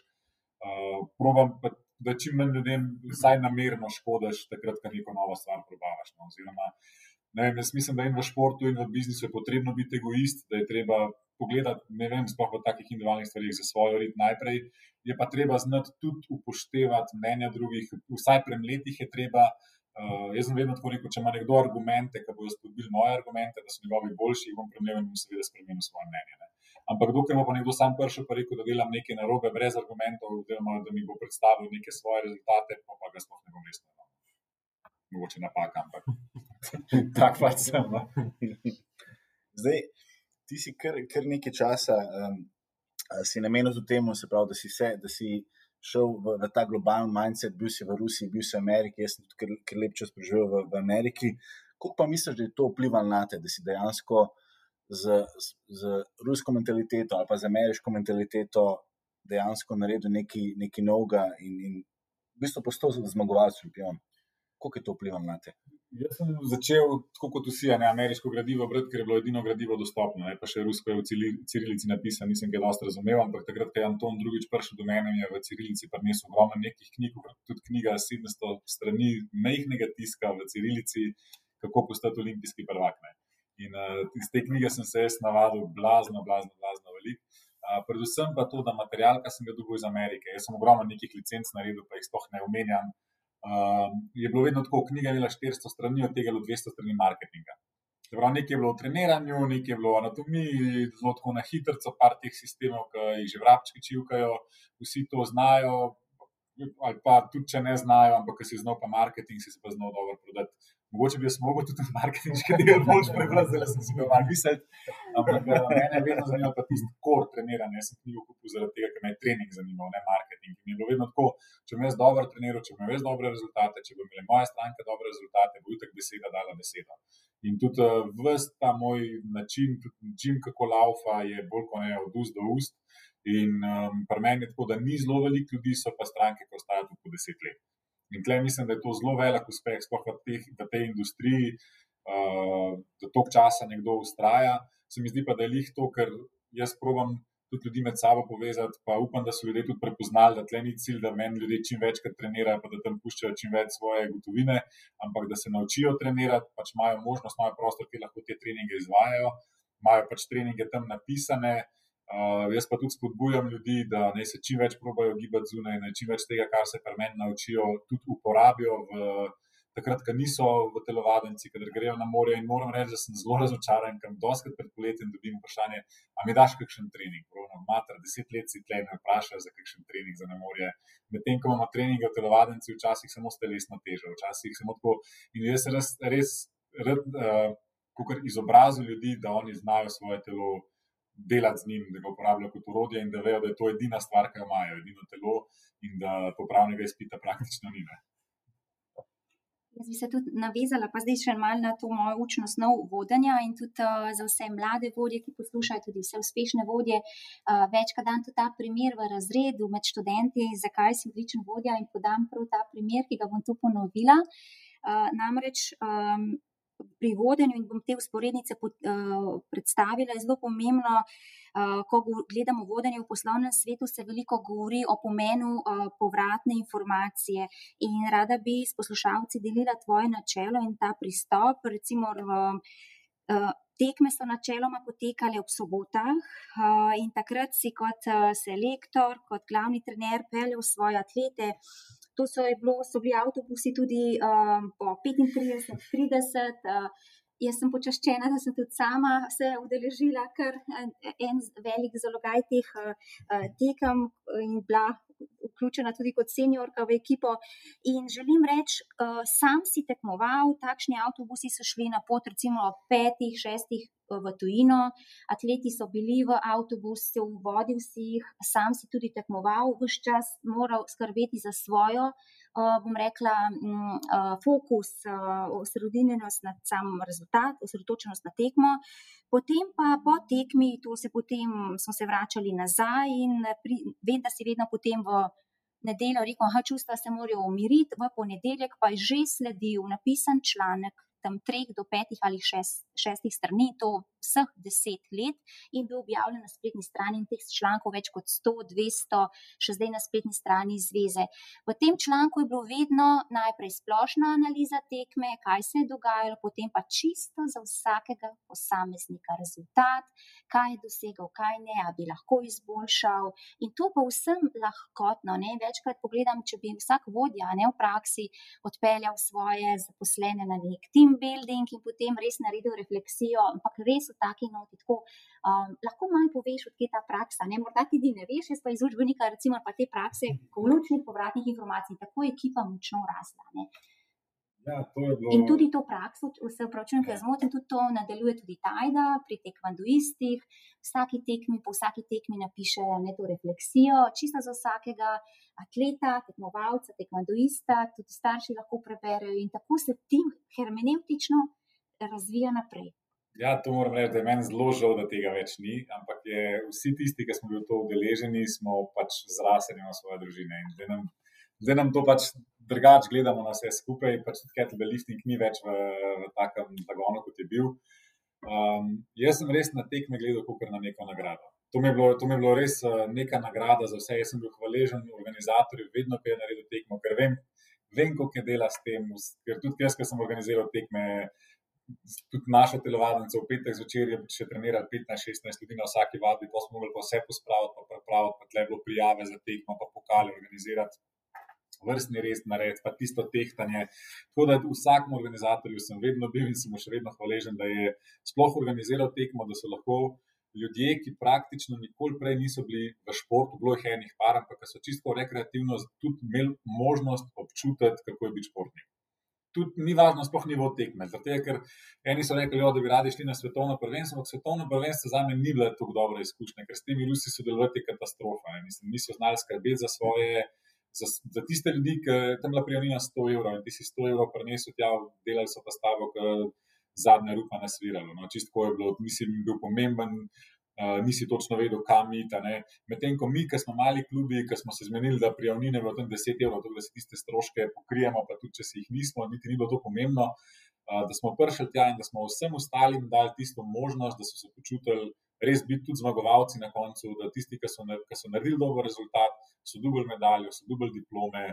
Uh, sploh te treba izpostaviti le ekipo Bjelovarja, pri njih je bilo meni so res najlepše tekme. Ne? In je to malo mesto na Hrvaškem, nič kaj tazga ni za videti, ampak eh, tam sem se vedno počutil, pa res, eh, res kot svetovni prvak. No. Zdaj, jaz, da sem tekmoval, jaz sem pa s tem vrnil organizatorje, da sem jaz stopil na platformo. Ker meni sem tam vedel, da lahko z lahkoto tam zmagujem, to mi res ni bilo pomembno.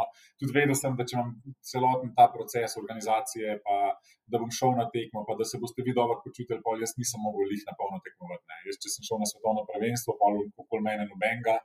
Na takih tekmah se tudi nisem nekaj ogreval, sem tako pršel, probo sem ostale mečkam sprostiti.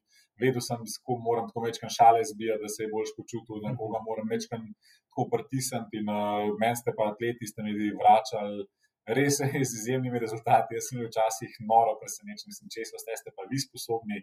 Uh, zase sem vedel, da sem se takrat obnašal kot profi, vi ste pa imeli še tisoč drugih stvari. In, uh, tako, bilo je naporno v smislu nekaj stvari narediti, ampak ker ste mi pa vi tako, tako dobro vračali, je bilo pa to čisto lahko. No.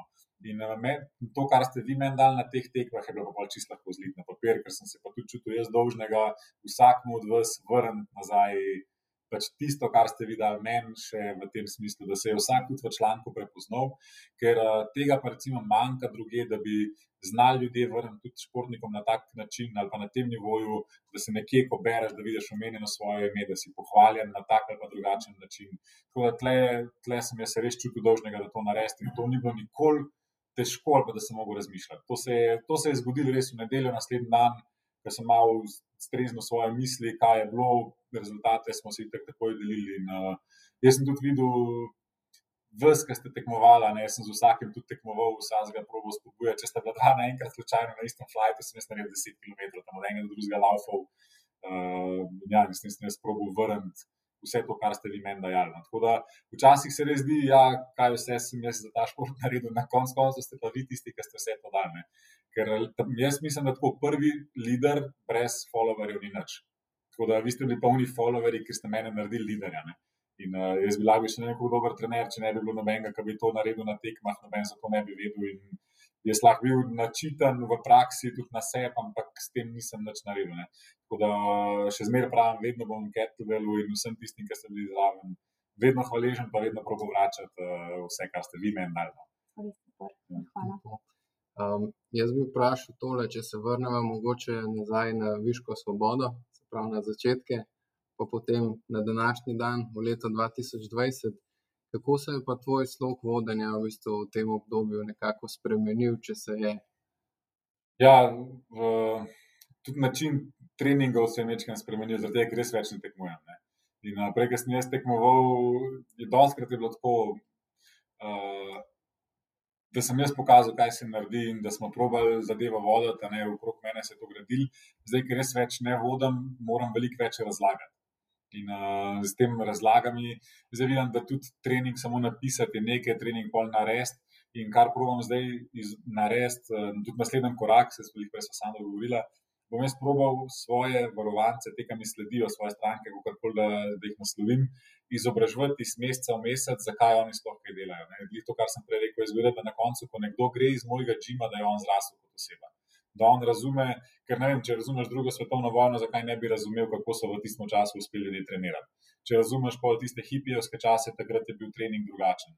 Kako se trening z leti spremenja, a mi moramo zdaj v leta 2020 trenirati, kot so trenirali leta 2019, ali za nas, navadne smrtnike, rekreativce, dovolj dobro, če treniramo tako, kot so trenirali leta 96.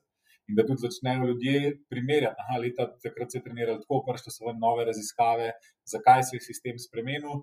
In tudi jaz bom lahko videl, ker relativno veliko ljudi pa je tistih, ki z mano trenirajo, bom tudi lahko naredil neko analizo, na katero obdobje se ljudje bolj navežejo, na katerega se bolj odzivajo, psihično, fizično, katere treniki mi lažje zdržati. Tako da način vodenja mojega je vse bolj gre v izobraževanje. No, to bi jaz rad. In tudi, uh, tudi meni se zdi, da toliko časa sem v nekem klubu zraven ali pa mi ljudje sledijo, da ker jaz probujem res bolj na mentorski način zdaj trenutno voditi celo zadevo, kot da bi samo pisal, pa rekel, da tle imate, pa potrudite se. Temu, mogoče bi to šlo na kakšnem višjem nivoju, na res nekje, kjer so ogromni denari, kjer ni nobenih emocij več, ampak jaz se pa tega ne gremo. To, to mi pa nikoli ni bil cilj, da se brez emocij samo to dela. No. To pa že preveč poslovno, mogoče mi zato tudi poslovno ne gre to dobro. Zdaj, tako v poslovnem svetu, kot v svetu športa, uh, se mi zdi zelo pomembna ta zmagovalna miselnost, ta mindset. In zdaj, eno je, da si fizično pripravljen, eno pa, da si dejansko tudi psihološko, da, ta, uh, da, si, ja, da si pripravljen na, na tudi ta aspekt. Tako da, kako si se ti tega lotil, ker si rekel, da si bil zelo fokusiran, da bo zato v bistvu iti na tekmo kot neka nagrada oziroma kot trening. Pa kako ti potem ekipe pripraviš? Eno je, da jih fizično pripraviš, drugo pa, da jim tudi ta mindset daš zmagovalni, da vejo, da so na tem nivoju, da lahko osvojijo prvenstva, zmagajo tekme.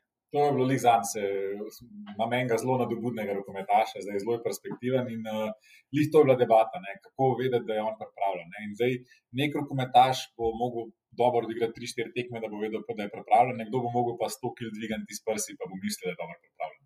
Oboje je isto. Če ti nekoga prepričaš, da je dobro pripravljen, da mu rečeš, da imaš najboljšo punco v Džimu, pa hvala, da si dobro pripravljen. Ne, ampak to je res. In če bo to tako delovalo, wow, jaz sem pa res dobro pripravljen. Ja. Nekomu moraš dati pa številko, da ti si pa 100 kg, koliko si ti dobro pripravljen. Čeprav realno bi lahko 120 dvignil. Ja. Ampak reči, 100 kg je pač tisto, kar si dvignil. A jaz sem pa dobro pripravljen. Ne? Nekdo tretji bo rekel, lej, pa valjda imaš le najboljši avto, veš, pa najbolj to imaš in fizično pa psihično gre skupaj. Zaradi tega, ker nekdo, ki bo prišel na igrišče in se bo počutil močnega, bojo nasprotniki začutili to energijo. Ja, ja. In tako sem jaz videl na svetovnem prvenstvu 2014 ki je moj trener bil v katastrofalno slabi formi, imel je ločitev, pa vse to, pa zgubo je bajto. In nek Litvanc je bil od njega fizično noro pripravljen. Ne. In uh, na ogrevanju je moj trener stopil do njega, ga v oči pogledal, tako malo bolj grdo, malo se stresil pred njim in bolj sem ga Litvanca še jaz premagal. On se je dobesedno usral. Res, in tle, ker je šport, ker gre pa res samo za fizično. Ne? Ampak bilo je pa tisto, on je vedel, kaj mora narediti, da bo temu zbil samo zavest. In tle mislim, da fizično, psihološko je doskrat povezan bolj, ki si izkušen, bolj pa tudi veš, kako se na ta način igra z nasprotnikom. Jaz bom šla že spet v šolske vode, zato, ker je zdaj že september ne, in so, imamo otroke lepo v šolah, in kmalo se priža tudi študijski dan. In uh, študenti bodo šli tudi uh, v študijske klopi, oziroma v uh, virtualne učilnice. In uh, meni vsi, jaz pa tudi to vprašanje, ki sem si ga pripravila, zvezek. Zvezek je pri tebi, um, zvezek in pisalo, uh, dejansko po tvojem vodilu, tako kot praviš, in tudi kaže zgled, spremljata človeka celo življenje. Torej, uh, tukaj imam še, sem prenesla tudi nekaj uh, teh vtisov, tako da lahko tudi uh, uredni, v, našem uredniškem odboru se to vidi. To so sam skromni, teh je enih šest, ampak tukaj lahko vidite, dejansko. Uh, tvoji treningi, tvoja šola ni samo trening, ampak je pravzaprav kot da bi hodili v čisto pravo šolo. Uh, ogromno, to je samo del izlečeka. Da, uh, zakaj je res pomembno? Obenil si že dvakrat tudi prej, ne da greš na sprehod, da spremlja ta zvezek in pisalo. Uh, torej, to je nekaj, kar nas spremlja celo življenje. In ta zapis treningov, refleksija, opis, to je vse tvoja šola, bom rekla, sobočanova šola, te lepo, vedno smo kljukali, na koncu smo si zapisali, koliko je bilo, kakšni so bili testi. Tudi danes, ko razvijaš elektronske aplikacije, svojo novo platformo v pripravi na COVID-19, torej v celoti si razvil tudi online učilnico z video posnetki, dodajaš temu zvezku tudi video, ampak zvezek še vedno ostaja. Ja, Ja. ja, ja te, ker se mi zdi, da ko neko stvar fizično napišemo, se naši možgani bolj zapomnijo. Jaz sem bil lansko leto, ali predlani, se ne vem več. Um, Pri Charlesu Poliquinu, on je bil, zdaj nažalost, pokojni, no, ampak eden najboljših trenerjev na svetu, vsi ga tako označujejo, vsaj najbolj načitanih, če ne najboljših. In je v svojih starejših letih res začel poudarjati na to, ne samo kako treniramo, ampak kako se tudi nekaj stvari pravimo zapomniti. Da to, kar snemajo ljudje, da sploh ne poslušajo, samo gledajo v telefon a se dobro vidi na posnetku. Tako da veliko bolj se stvari na svinčnih zapisati in oni nam prepovedo telefone in uh, računalnike na njegovih seminarjih. In to so seminari 10 ur in pač 10 ur smo pisali dejansko si več tako zapomniš. Potem vse te aplikacije, ki so online, meni se tako zdi, da nekdo bo enkrat platformo zaprl in ostaneš brez informacij. Ne. Če imaš pa ti svoj zvezek, je pa to nek, nekaj, kar ti ne morejo kar tako vzeti, ok, se lahko zgubiš zvezek, ampak pač na te stvari se pazi. Je res, da se pol te zvezke nekje nabirajo, da to, da to ni, ampak ne, mene to niti ne moti. Uh, sem pa tako zelo, zelo vesel, ko sem se odločil, da si bom zdaj osebnega trenerja spet vzel, ker sem vedno, jaz vedno treniram s trenerjem. No? Ker če, sem, če hočem biti zgled, moram imeti trenerja. če jaz nimam trenerja, komu sem pa zgled. Ne? In jaz sem zdaj trenerja, to je 8-kratni, 6-kratni mister Olimpija, Dorian Jejc. In sem mu napisal, če bi lahko jaz pod njim treniral, pod njegovim vodstvom, in je rekel, ok, prvo si preberem moje zapiske. Mi je poslal zapiske šest let treningov priprave na Mister Olimpija. Vse na roko napisano v zvezke, kakšen cilj, kakšen trening je delal, vse občutke, ki jih je imel noter z vsemi kletvicami, ki mu treningi niso vatali. Sem nekaj ta, to je noro, kar sem dobil od njega. In tudi trening, ki mi je poslal v neki sicer aplikaciji, ni trening, ki bi mi delala, da bi notri pisali, ki laže. To, to tam piše samo schema treninga in rekel, zapiši v zvezek, ker ta zvezek ti bo enkrat prav prišel. In zdaj imam jaz od leta 2009 vse zvezke, kar jih imam, ko sem začel s kettlebelli trenirati, ko sem pripravljal na svetovna prvenstva. Predtem pa tudi, ker sem v rokometu treniral večino stvari, če bi dobro pobrskal, bi še zmeraj našel kakšne kondicijske priprave. Tle bi kar jaz ostal zvest, da pere pa svinčnik. Ja, ja, zveze postaja. Omenil si, da se v bistvu z leti nekako vedno bolj vidiš v vlogi mentorja. Um, pa me zanima, kako pomembna se ti zdi vloga mentorja za nekoga, ki raste, ki napreduje, pa če si mogoče ti v svojem življenju tudi imel neko osebo, ki ti je bila kot mentor. Po mentorju je velika. Vem, tako, kdo je pustil največ posledic na meni, poleg pač staršev, je sigurno Boris Denič, takrat je bil on moj trener. Ko sem bil v tistih letih, ko sem to najbolj rabo. Ne, in je tudi uh, način vodenja njegov, marsikomu ni bil všeč, ampak ne vem, jaz pa dejansko nisem to gledal kot nekaj slabega, da je on tam kričal. Ampak je on, on je imel nas tokrat, da bi res za nas vse naredil in jaz tudi probujem na ta način tudi to naš, naš džim tako voditi, to ljudje tudi prepoznajo. Mogoče včasih ni jih najbolj primeren, mislim, da se ne berem džim nikoli. Način, na kakšen ga povem, ne, tudi, ne vem, nekomu rečem, pa dobro, zdaj pa že desetič govorim eno stvar. Ne. To nekako trener ne, ne bi rekel, če hočeš stanko obdržati. Ne, ampak poveš še enajstič, pa upaj, da ti bo plačal še za dvanajstič, ko boš to govoril. Ne, ampak se pravi, to pač ni lih moj cilj. Ne. In jaz mislim, da mentor se ti ne moreš ven metati, ampak si ga nekdo sam zbere. Ne. In zdaj jaz probujem, če bom jaz iskren, delal iskreno delo na iskren način, to, kar počnem, da me bodo ljudje prepoznali kot nekega mentorja, super. Jaz bom probo več informacij, da tudi uh, online. Uh, zato sem tudi to platformo zdaj naredil. Ja, COVID je bil ta, mislim, ta karantena, ki je bila. Je bilo v bistvu neko super obdobje, da sem tudi videl, kako bi naprej mogoče rad delal, ker večina trenerjev je začela izvajati treninge pred računalnikom. Rekel, ne, to ni šans, da me zelo trening pred računalnikom, pa sem pa malo predober za to. Pač vem, jaz samo hvalim, ampak res ne rekel, ne bom to delal, pač je robičar, ki pa influencer, ki ne, ne bom to delal. In sem vsak dan, oziroma trikrat na teden posnel uh, vsaj 30-minutni video, v katerem sem razložil nekaj osnovne stvari, ki se mi zdi dobro. Deset let prven trenirate, sploh veste, katere kosti imate v telesu. In pa sem rekel, da bom pa posnel nek video o anatomiji, čisto osnovno, in feedback je bil nor, koliko jim je to všeč, da tega sploh niso vedeli. Pa sem rekel, da sem tudi kreten, ne? jaz tega svojim strankam sploh ne povem in pričakujem, da bojo vedeli. Rekel, super, zdaj bomo ta dva meseca in iz, iz tedna v teden sem snimal video, ne? kako se staviti jedilnika. In ljudje rečejo, ja, jaz sem vrgel cukor ven iz uh, iz svojega jedilnika, ampak pašto, pico, pa kruh, pa jim.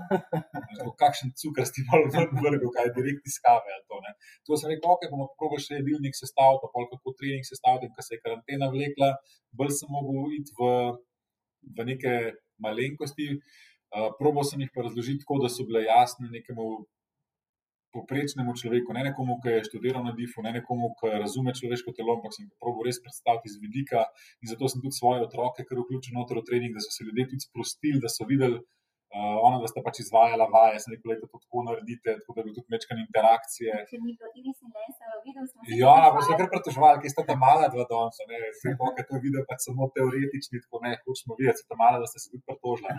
To sem jih mogel v video vključevati, se jih ne To je bilo kar, kar zanimivo, kako tudi njih vključiti. Če bi videl 40 minut dolg, ne, 4 leta staro punčko, da se skoncentriraš, 40 minut je bil full uspeh. Na eni videi so nastajali tudi po trikrat, in po 20 minutah je začela težiti, ne pa od začetka snemati. Uh, ampak sem videl, ja, da je to, to, to je pa res uh, tisto, kar bi pa rad. In sem videl, kako dobro ljudje razumejo. Tudi zdaj, ko pride v telovadnico, včasih so res sprašvali za moje pojme neumnosti, ampak sem videl, da pač njim res ni bilo jasno. Ne? In zdaj vidim, da mi je bilo jasno, ker jaz nikoli nisem na ta način razložil, koliko sem imel tam časa. Ne? Zdaj vem, da če bi nekdo prišel k meni, pa bi na trening in bi mu jaz 45 minut razlagal, bi lahko izgubil nekoga. In sem rekel, da bom jih zdaj probal na ta način voditi, da bom skozi neko. Jaz pravim, temu etape, 4 do 6 tedenski plani treningov, tudi napisal opis, oziroma mogoče posnel video, videl, kaj mi bo lažje, zakaj se ta trening dela, kdaj so ga delali, v katerem obdobju, kdo ga je izumil, kakšni so bili rezultati. Da, in tisti, ki bodo meni sledili, si bodo oni mene izbrali za mentorja. Ne bom jaz rekel, jaz bi bil pa mentor. Ne, ne gre tako. No. Vedno piš, kaj potem ti šteješ pri sebi kot recimo nek največji uspeh. Oziroma, ta recimo američani pravijo temu, da aha moment, ki si se pa zavedel, to je pa to, kar jaz hočem početi. Pa pol še grejo, pa pol še kontra, pa kaj bo en tak velik izziv v tvojem življenju, ki si ga eh, prebrodil. Uf, ja, zdaj na poslovnem je to, da sem hotel biti trener. Ne vem, jaz, že od nekdaj sem jaz vedel, da bi bil trener. No. Ker sem se upisal v športno gimnazijo, ni bilo to zato, ker ne bi bil kam drugam sprejet. Jaz sem imel dovolj pik tudi za bežega pa poljane, takrat ampak jaz sem vedel, da hočem v športu delovati in hočem biti kot trener. Zdaj pa v kakšni smeri bo ta trener, jaz takrat nisem vedel, da ste 15 let, takrat pojma nimaš v life. No. Ampak uh, vedel sem to pa pač nekaj v tej smeri bilo in uh, Na začetku smo začeli v moji garaži, tle v Novih Jaršah, pa smo imeli, ker so starši imeli bajti, smo imeli bajti, potem smo šli z enimi kolegi, ki sem prej omenil, smo odprli velik fitness center v Šiški. Pa sem tam videl, da še ni to čisto, da nisem mogoče tudi še zrel, da hočem še sam delati. Mogoče je bila tista kar velika prelomnica, da sem šel nazaj na svoje. Um, tak prvi aha moment je bil ta kettlebell, da sem točno vedel, da tle hočem postati master of sports in sem rekel, da je toliko časa bom to vlekel. In potem, ko sem postal master v sportu, sem videl, da je še nek naziv, ki ga lahko dosežem. Ne, to, to je bilo tisto, kar sem res hotel, ker sem vedel, da to hočem početi. No. Zdaj pa prebrodati vse skupaj, pa bila ja, ta selitev Džima, to je bilo kar težko, finančno. Finančno je bil velik izziv, zato ker moja žena je bila profesionalna rokometašica in njih takrat, ko so Džim odprla, si je strgala še zadnjič križne vezi. To je bilo nekaj, ne konc, ko smo si rekli, da je prvi dve leti v tvoje plače živela in je bila pogoga prekinjena. In uh, tam se je pol. Ja, pa smo pač rekli, da bo pa od tega probala in je šlo. Ne. Jaz sem zelo velik tega delal. Uh, ko so me povabili na prvo predavanje, so vsi rekli, da imam ta sposobnost govora, uh, predajanja znanja, da imam. Uh, če bi to bolj pogosto počel, jaz sem bil počaščen in to pač res bi počel. No. Um, tako da jaz vidim, da nekatere stvari mi bolj grejo, nekatere slabše, in nekaj mi pač ne grejo, se jih res provam losati. No. Res, nočem pa delati stvari, ki mi ne grejo. No. Eni pravijo, temu le novo, jaz pa pravim, temu sam. Pač fokus, ja, pač jaz zelo rad velik delam stvari, ki so mi všeč, tiste, ki mi niso, upam, da bodo naredili. Upam. Oh, hvala. Uh, jaz bi se pa tudi malo dotaknila, ker nas poslušajo tudi menedžerji, menedžerke. Uh, ti tudi zelo dobro poznaš to ciljno uh, skupino poslovnih menedžerjev, menedžerk, ki so tudi uh, del tvoje skupine rekreativcev. Uh, in zdaj, ko nas poslušajo, vemo, da so vodje menedžerji danes res upeti v. Zahteven urnik, so preobremenjeni, ob družini, um, včasih zelo težko ukrepijo svojo telesno pripravljenost, um, med um, Eh, to telesno pripravljenost in dejansko, kateri pripravljenosti ali pa tej uh, delu fitnesa, te zmogljivosti naj dajo prednost, če imajo recimo nekaj trenutkov časa, mogoče pol ure na teden, ali naj recimo je možno prioriteto, recimo reči naj gre delajo na fleksibilnosti, zmogljivosti, vzdržljivosti, ali naj skočijo na recimo bližnji hrib, uh, morda kakšen tak preprost nasvet, kako bi lahko nek res preobremenjen menedžer, preobremenjena menedžerka začela. Tudi izkušnje imaš, ko pridejo, a ne kako jih ti, da, da se, da, ker ne moremo kar reči, ja, pojdi pa vteči 10 km. Uh, ob družini, kako bi recimo ta bi priporočal? Recimo? Zdaj, ko jaz teh res vrhunskih menedžerjev, da danes za koga užalujem, ne poznam v smislu, da bi se res lahko poistovetil z njimi, tako da mogoče bo kdo rekel, kaj pa ta ve, kaj govori. No. Ampak jaz bi prva stvar, ki bi rekel, nekdo je preobremenjen zato, ker se to samo odloča.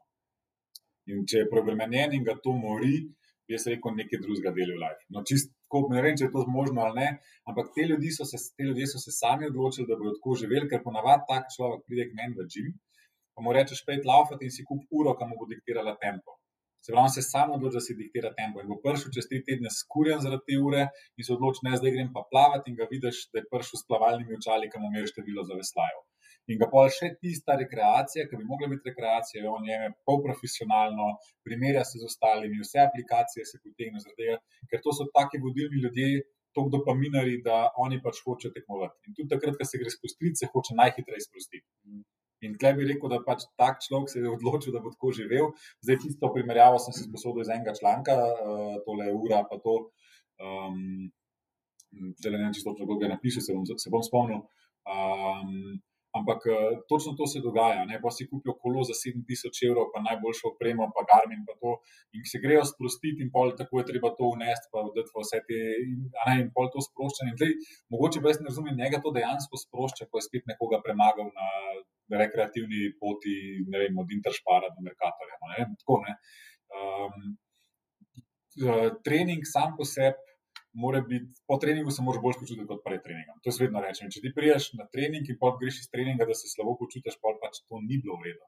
Trening sicer je nek stres, pozitiven stres za telo.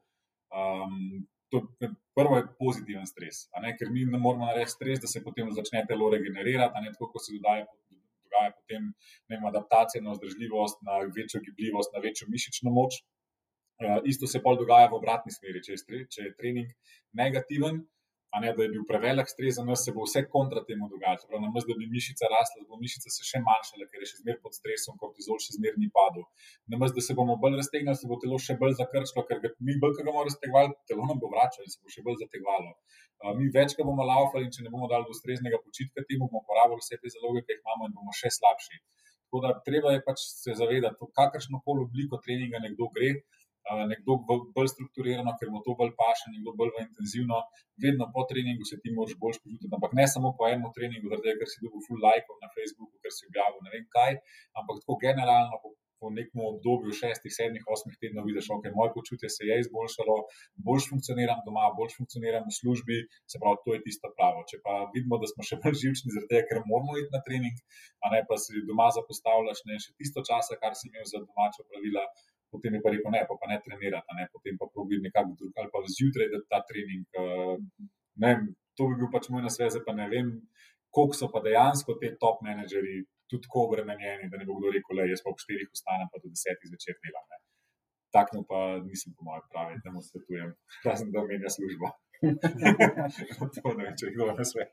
Ko te človek posluša, imam občutek, da si skozi v neki polni pripravljenosti na 100%, pa me vsem zanima, kaj pa rad počneš za svoj stres management, takrat, ko imaš mogoče čas za se.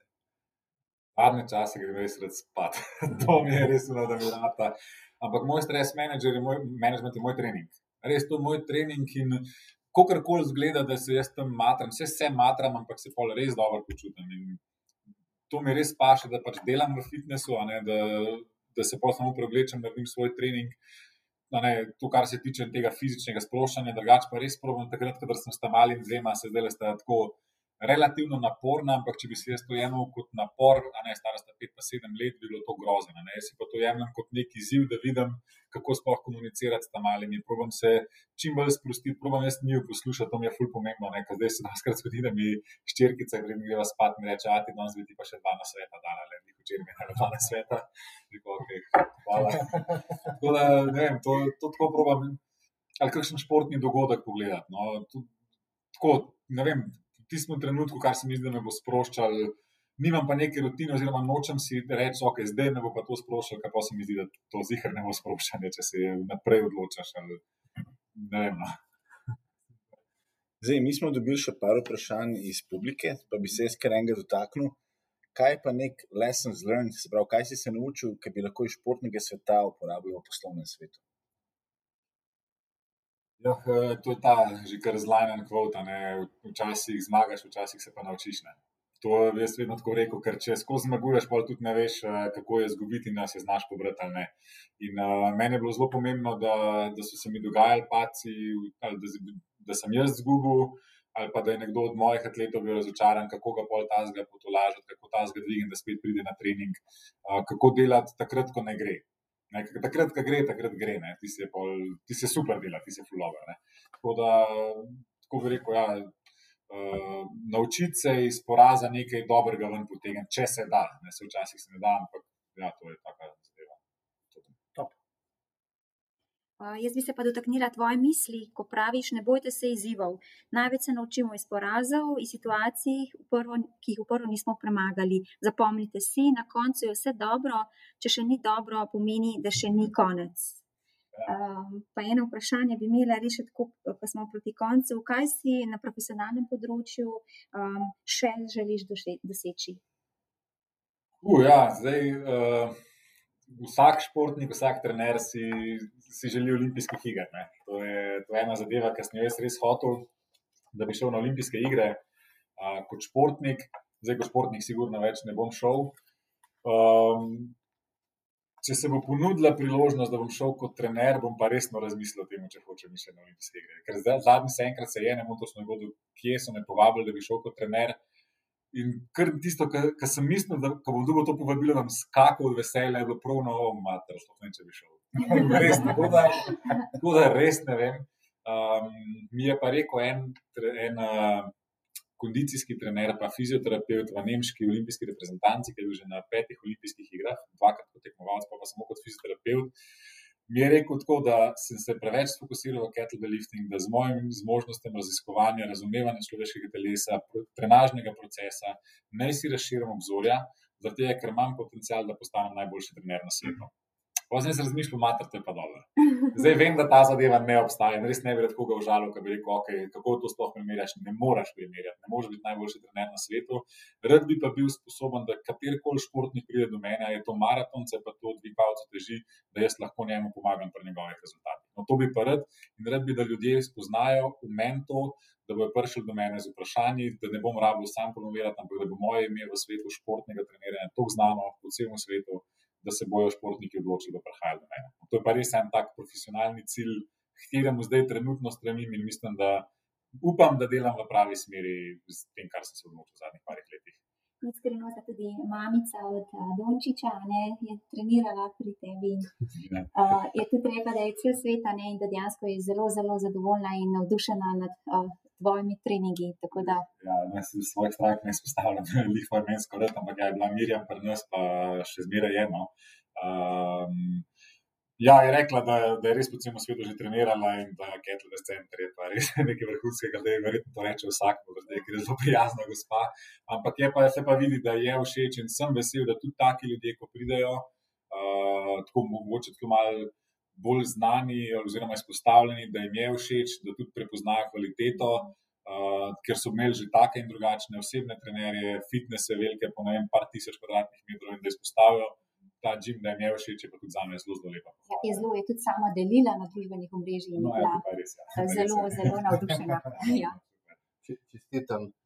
Um, še eno vprašanje iz publike. Sicer, če želimo v polni meri izkoristiti svoj vadbeni potencial, kolikšen del naj zajemajo ketli v teži.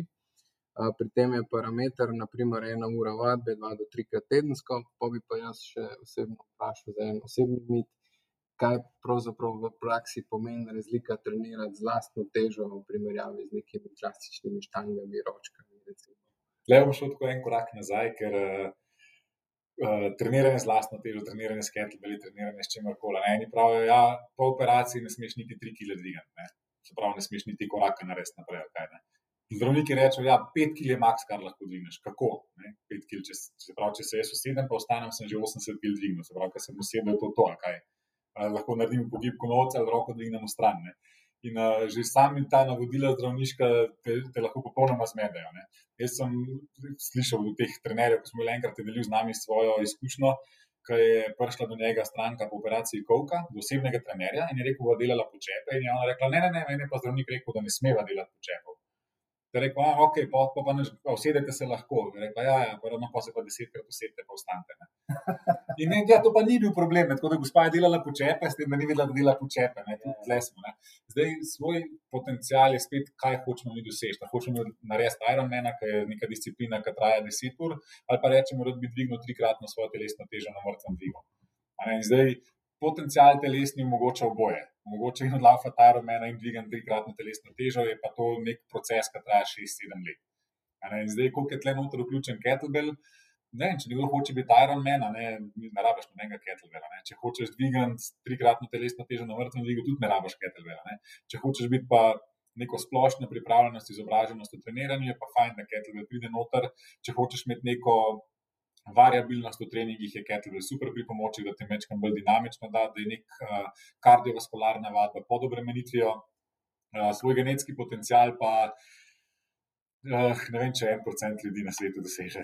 Da, tle, jaz, jaz se sploh ne bi s tem, s tem niti obadal, ker je to spet nek pritisk. In če ne bi imel kaj dosti od tega, je tle ogromno, ogromno, ogromno odrekanja. In treba se tudi vprašati, v katerih letih. Nekaj doskrat pride nekdo do mene, pri 40-ih, pa pravi, da bi rad svoj genetski potencial izkoristil. Ne. Od 25 let naprej pa testosteron pada. Se pravi, ne, 15 let prepozno se je oglasil. Ampak eh, ja, jaz bi kettlebele vsem rekreativcem. Ki hodijo na treninge, bi jih vključil, bi predstavil, in ne samo kot pripomoček za divjanje, ampak bi tudi predstavil kettlebell šport. Ne, ker to je šport z utežmi, tako kot je dvigovanje teži, tako kot je powerlifting, tako kot je tudi konec koncev bodybuilding. Vse te stvari, nekdo, ki hodi v fitness, zakaj pa tega ne bi vedel. In več, ko bo stvari vedel, več, ko bo tega probal, manj bo prišel do poškodb, manjše obrabe sklepov, manjša nasičenost nekega enega istega trenažnega procesa. In mislim, da to je veliko bolj zdrav način treniranja in spoznavanja svojega telesa, kot z nekim striktnim fokusom, ker realno brez profesionalne, tudi strokovne ekipe zadaj lahko vodi samo poškodbo. Super. Še malo dotaknem, zdaj, ker počasi zaključujemo naš podcast. Um, tvojega osebnega življenja, malo, kaj, kaj je recimo tvoj uh, najljubši citat, oziroma kvot, pa kaj je tvoja najljubša serija, pa, da te malo spoznamo. Uh, to je ta najkvot, ne, if you, if you fail to plan, plan to fail. Se pravi, če se nisi pripravil, kar planiri, da ti ne bo rado. To je sploh šlo, to sem jaz doskrat rekel svojim tem, lej, če nisi treniral, da nisi naredil procesa, da nisi prehodil poti brez veze, da se sploh nekaj sekiraš, pejt na tekmo in nared nekaj, pa, da, da boš v tem užival. In naj bo pač to tvoj plan, ne imeti nekih visokih ciljev, če res nisi naredil procesa, ker ne more, ne more nekdo, ki na treningu ni naredil, pol na tekmi pa kar narediti. Pač tega ni, take zgodbe lahko slišimo v pravljicah, ampak tisti, ki pravijo, kar, ne, gledaj, doskrat, ja, ki rečejo, ja, um, deset let je treniral, pa pa kar naenkrat svetovni prvak. Ja, ne, ni bilo kar naenkrat. Deset let je bilo podlage in mogoče je bil to ta trenutek spočit, nasprotnik ni bil. a Ne, ampak sigurno za vsakim svetovnim prvakom so leta in leta odrekanja, kreganja, vzponov, pacov, frustracij, jokanja, solza, kri, znoja. Da, se pravi, če si naredil plan, imaš možnost, da ti uspe, ni pa nujno, da ti bo. Ne. Kaj pa je najljubša serija, s čim se recimo sproščaš, kaj ti gledaš? Ja, serija, to sem kaj, serija. Jaz tako bi rekel, ne, televizijo zelo malo gledam. Uh, zdaj, če pa že probujem gledati televizijo, pa probujem gledati kakšno tako neumnost, da, da, da res ne rabim razmišljati. Zdaj trenutno gledamo na serijo Andrija in Anželka, kaj je že na kanalu. A, to sta dva srba, ki to buta sta serija, ampak mi je prav kul, cool, da gledam tako res kul, cool, da se sprostim, ne rabim razmišljati, kaj je bilo in kaj bo. No. Tako da, uh, ja, to je Kaj serija. pa recimo, um, kakšna knjiga, ki si jo prebral ali pa ti je zelo se vtisnila v spomin?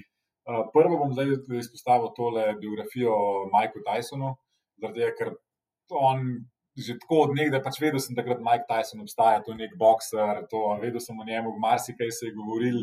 Uh, in jaz sem pa tak človek, da se bom nekaj odločil in to naredil, jaz sem tudi šel na Dunaj spoznati Mikea Tysona osebno. Ja, ja, ja, osebno sem ga hotel spoznati, ker sem hotel človeku stisnem troko, zdaj kakšne v tem izkušnje, mogoče ni lih za podcast, ampak to. Uh, druga knjiga, no, njegova knjiga, ki sem to knjigo bral, je pač to je res. Uh, To je res nekaj nevrjetnega, veliko vsak mu ne prebere, podjetnik, športnik, pa čisto zaenkrat za ne more. To je res je nevrjetna knjiga. Ta druga je pa Da Vinčeva cifra.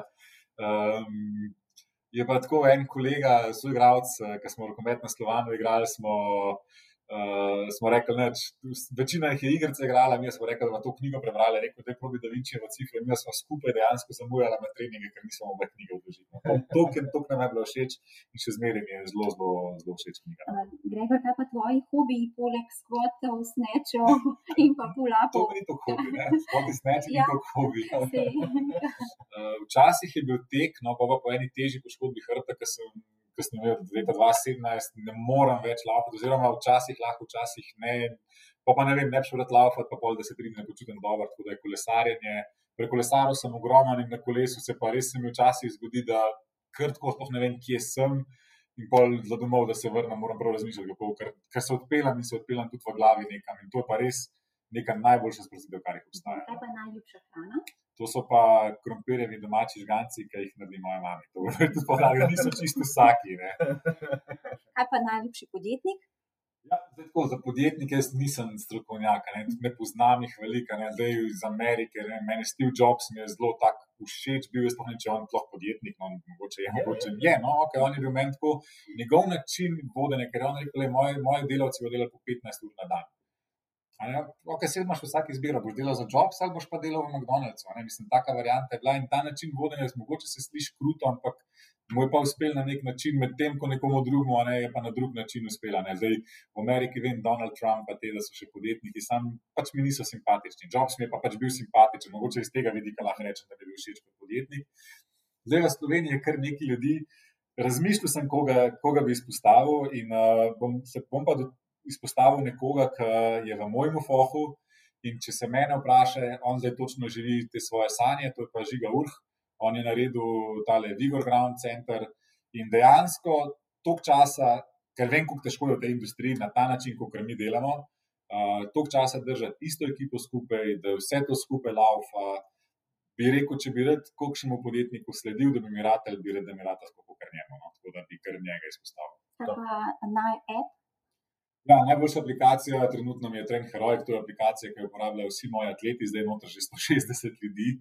Uh, in tam je pa dobesedno rešila cele nedelje, ker včasih sem imel na Messengerju, v Excel sheets, Google Drive, v Wordu, posod so bili ti trening programi, ta Trend Heroic pa dejansko za relativno, uh, ne vem, majhnim načinom učenja uporabe. No, tudi stranke prijazen, ker športniki, moramo vedeti, da športniki niso tako kot rekreativci. Športniki nočejo uporabljati Apple, nočejo tega. V večini primerov meni to odveč. Jaz tudi sem bil športnik in jaz njih razumem, ampak tukaj s parimi kliki lahko trening poklukaš, ga vidiš. In pa tudi nekako spremljaš svoj napredek. Ne. Jaz še zmeraj bi videl, če bi si trening zapisal, kot sem rekel, ampak ta trening heroj je pa meni kot trenerju dobesedno olajšal življenje. No. Deva še zaključiti eh, s tvojimi, v bistvu, tri, tremi ali pa večjimi nauki za naše poslušalce. Pa zdaj, no pressure, ampak poslušajo te od predsednikov uprav do mladih študentov, do podjetnikov, do start-upovcev, vsi te.